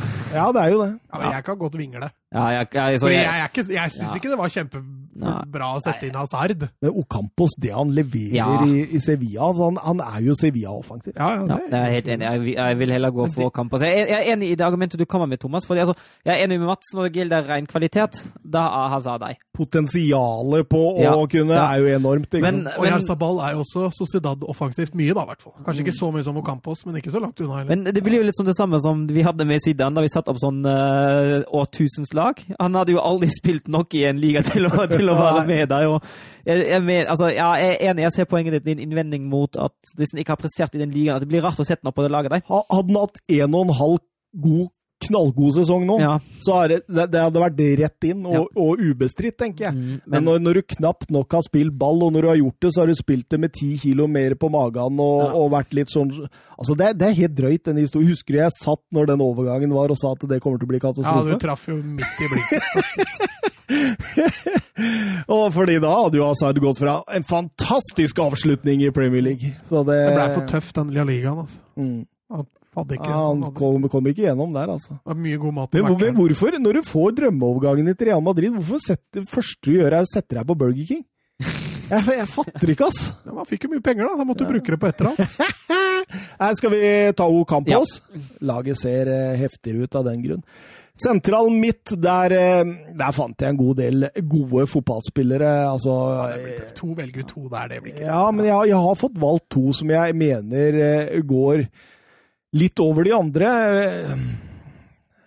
Jeg er veldig glad i Casemiro. Mm. Jeg syns han er strålende. Jeg synes han, vi, vi kommer ikke utenom han. jeg er enig. Jeg har altså satt jeg tror Cas- Casemiro var den første Jeg skal ha Graylish! Han inn her òg! Få inn Graylish! Nei, Casemiro var den første jeg skrev ned. Casemiro var den første jeg satte strek under. Jeg er helt Ja. enig at Casemiro må inn. Han må inn. Han må inn. Ikke sexy nok! Nei, men han, han er jo verdens beste dype midtbane. Han, han, har til, han, er så god at han er også en av de beste offensivt, liksom hvis du bare slipper han løs. Eh, han er, husker jo den perioden da bare hedda inn eh, corner på corner og var helt rå inne i boks der også for Real, og det var i fjorårssesongen. Jeg syns han er så god at vi, vi kan ikke sette den utafor. Jeg er helt enig. Jeg er 100 enig. Nei, Nedstemt, jeg, da. Men Ja, du er eh, nedstemt. jeg regner med Twitter nå blir helt i harnisk, faktisk. Ja, så du- dere du- kommer til å få høre. Kom, kom, igjen nå. Si, si hva Twitter skal gjøre med oss. Nei, nei, det går bra. Jeg gidder ikke å henge dere ut. Jeg, Jeg er må jo respektere, der ute. jeg må jo du, er- respektere meningene deres. det var et stikk til meg, det! Det sier han som bare 'Jeg skal ha i nesta!' eh, hvem er makkeren? Eh, Har vi noe Hos meg er det koke, men det var kjempetøft. Eh, Jeg eh, kan fint vingle på den, men eh, jeg falt til slutt på koka etter en lang drøfting med meg sjøl. Jeg falt Det er på, usexy midtbane, ass. jeg falt på Frenkie de Jong. Ja, det er greit nok, det òg. Men her er det mye, da. Saul Niges, Marcos Llorente, som har tatt kjempesteg. Carlos Soler, som holder dette Valencia-laget. Canales, som er blitt sexy igjen. Kroos, Modric. Mm. Trigeros, som har vært strålende i Villarreal i år. Parejo. Campania i, i Levante. Men jeg istemmer Frenkie de Jong. Åh, da fikk jeg sentralen. Men hvem var din andre som du satt ved siden av de Jong?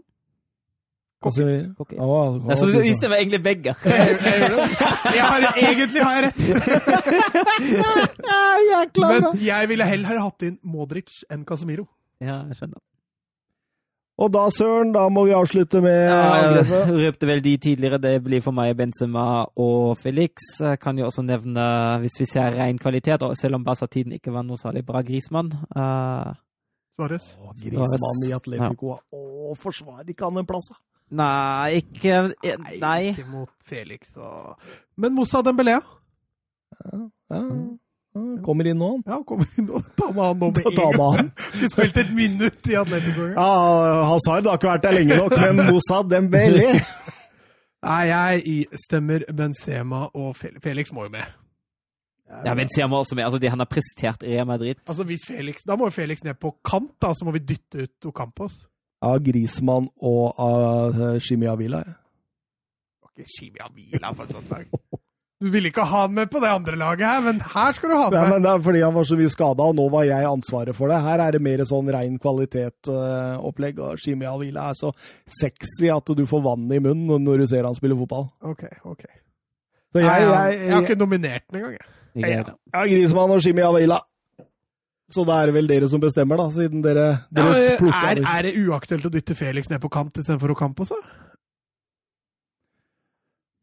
Hvis jeg får inn Jimmy Avila. Nei, du får, du, du får inn, du får inn Grismann. For uh, jeg istemmer jo, hvis det blir sånn, så er det Felix og Benzema. Mm. Uh, men hvis vi kan dytte Felix ned på kant istedenfor Ocampos, så kan jeg være med på, på Grismann med tanke på det han har gjort i Atletico.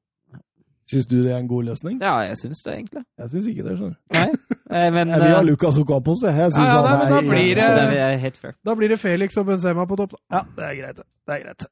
Da blei laget som følgende. Jan Oblak i mål. Trippier, høyrebekk Al Alba, venstrebekk, ikke Alaba. Det er kanskje neste år, det.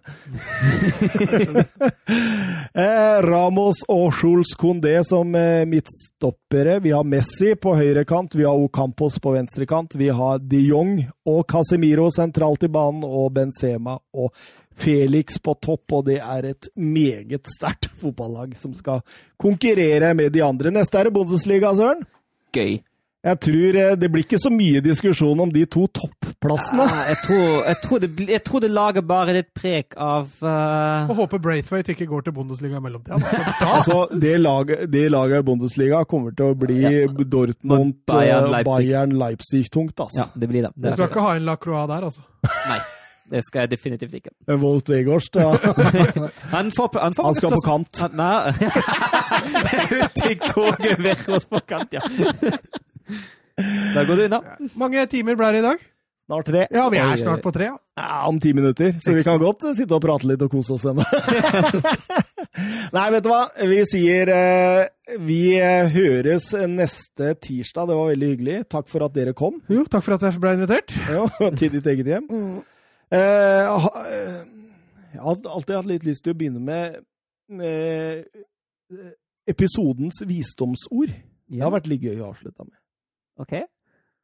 Og eh, denne gangen er det 'Under skutt bjørn finner du alltid et fjærkre'. God natt. Ha det.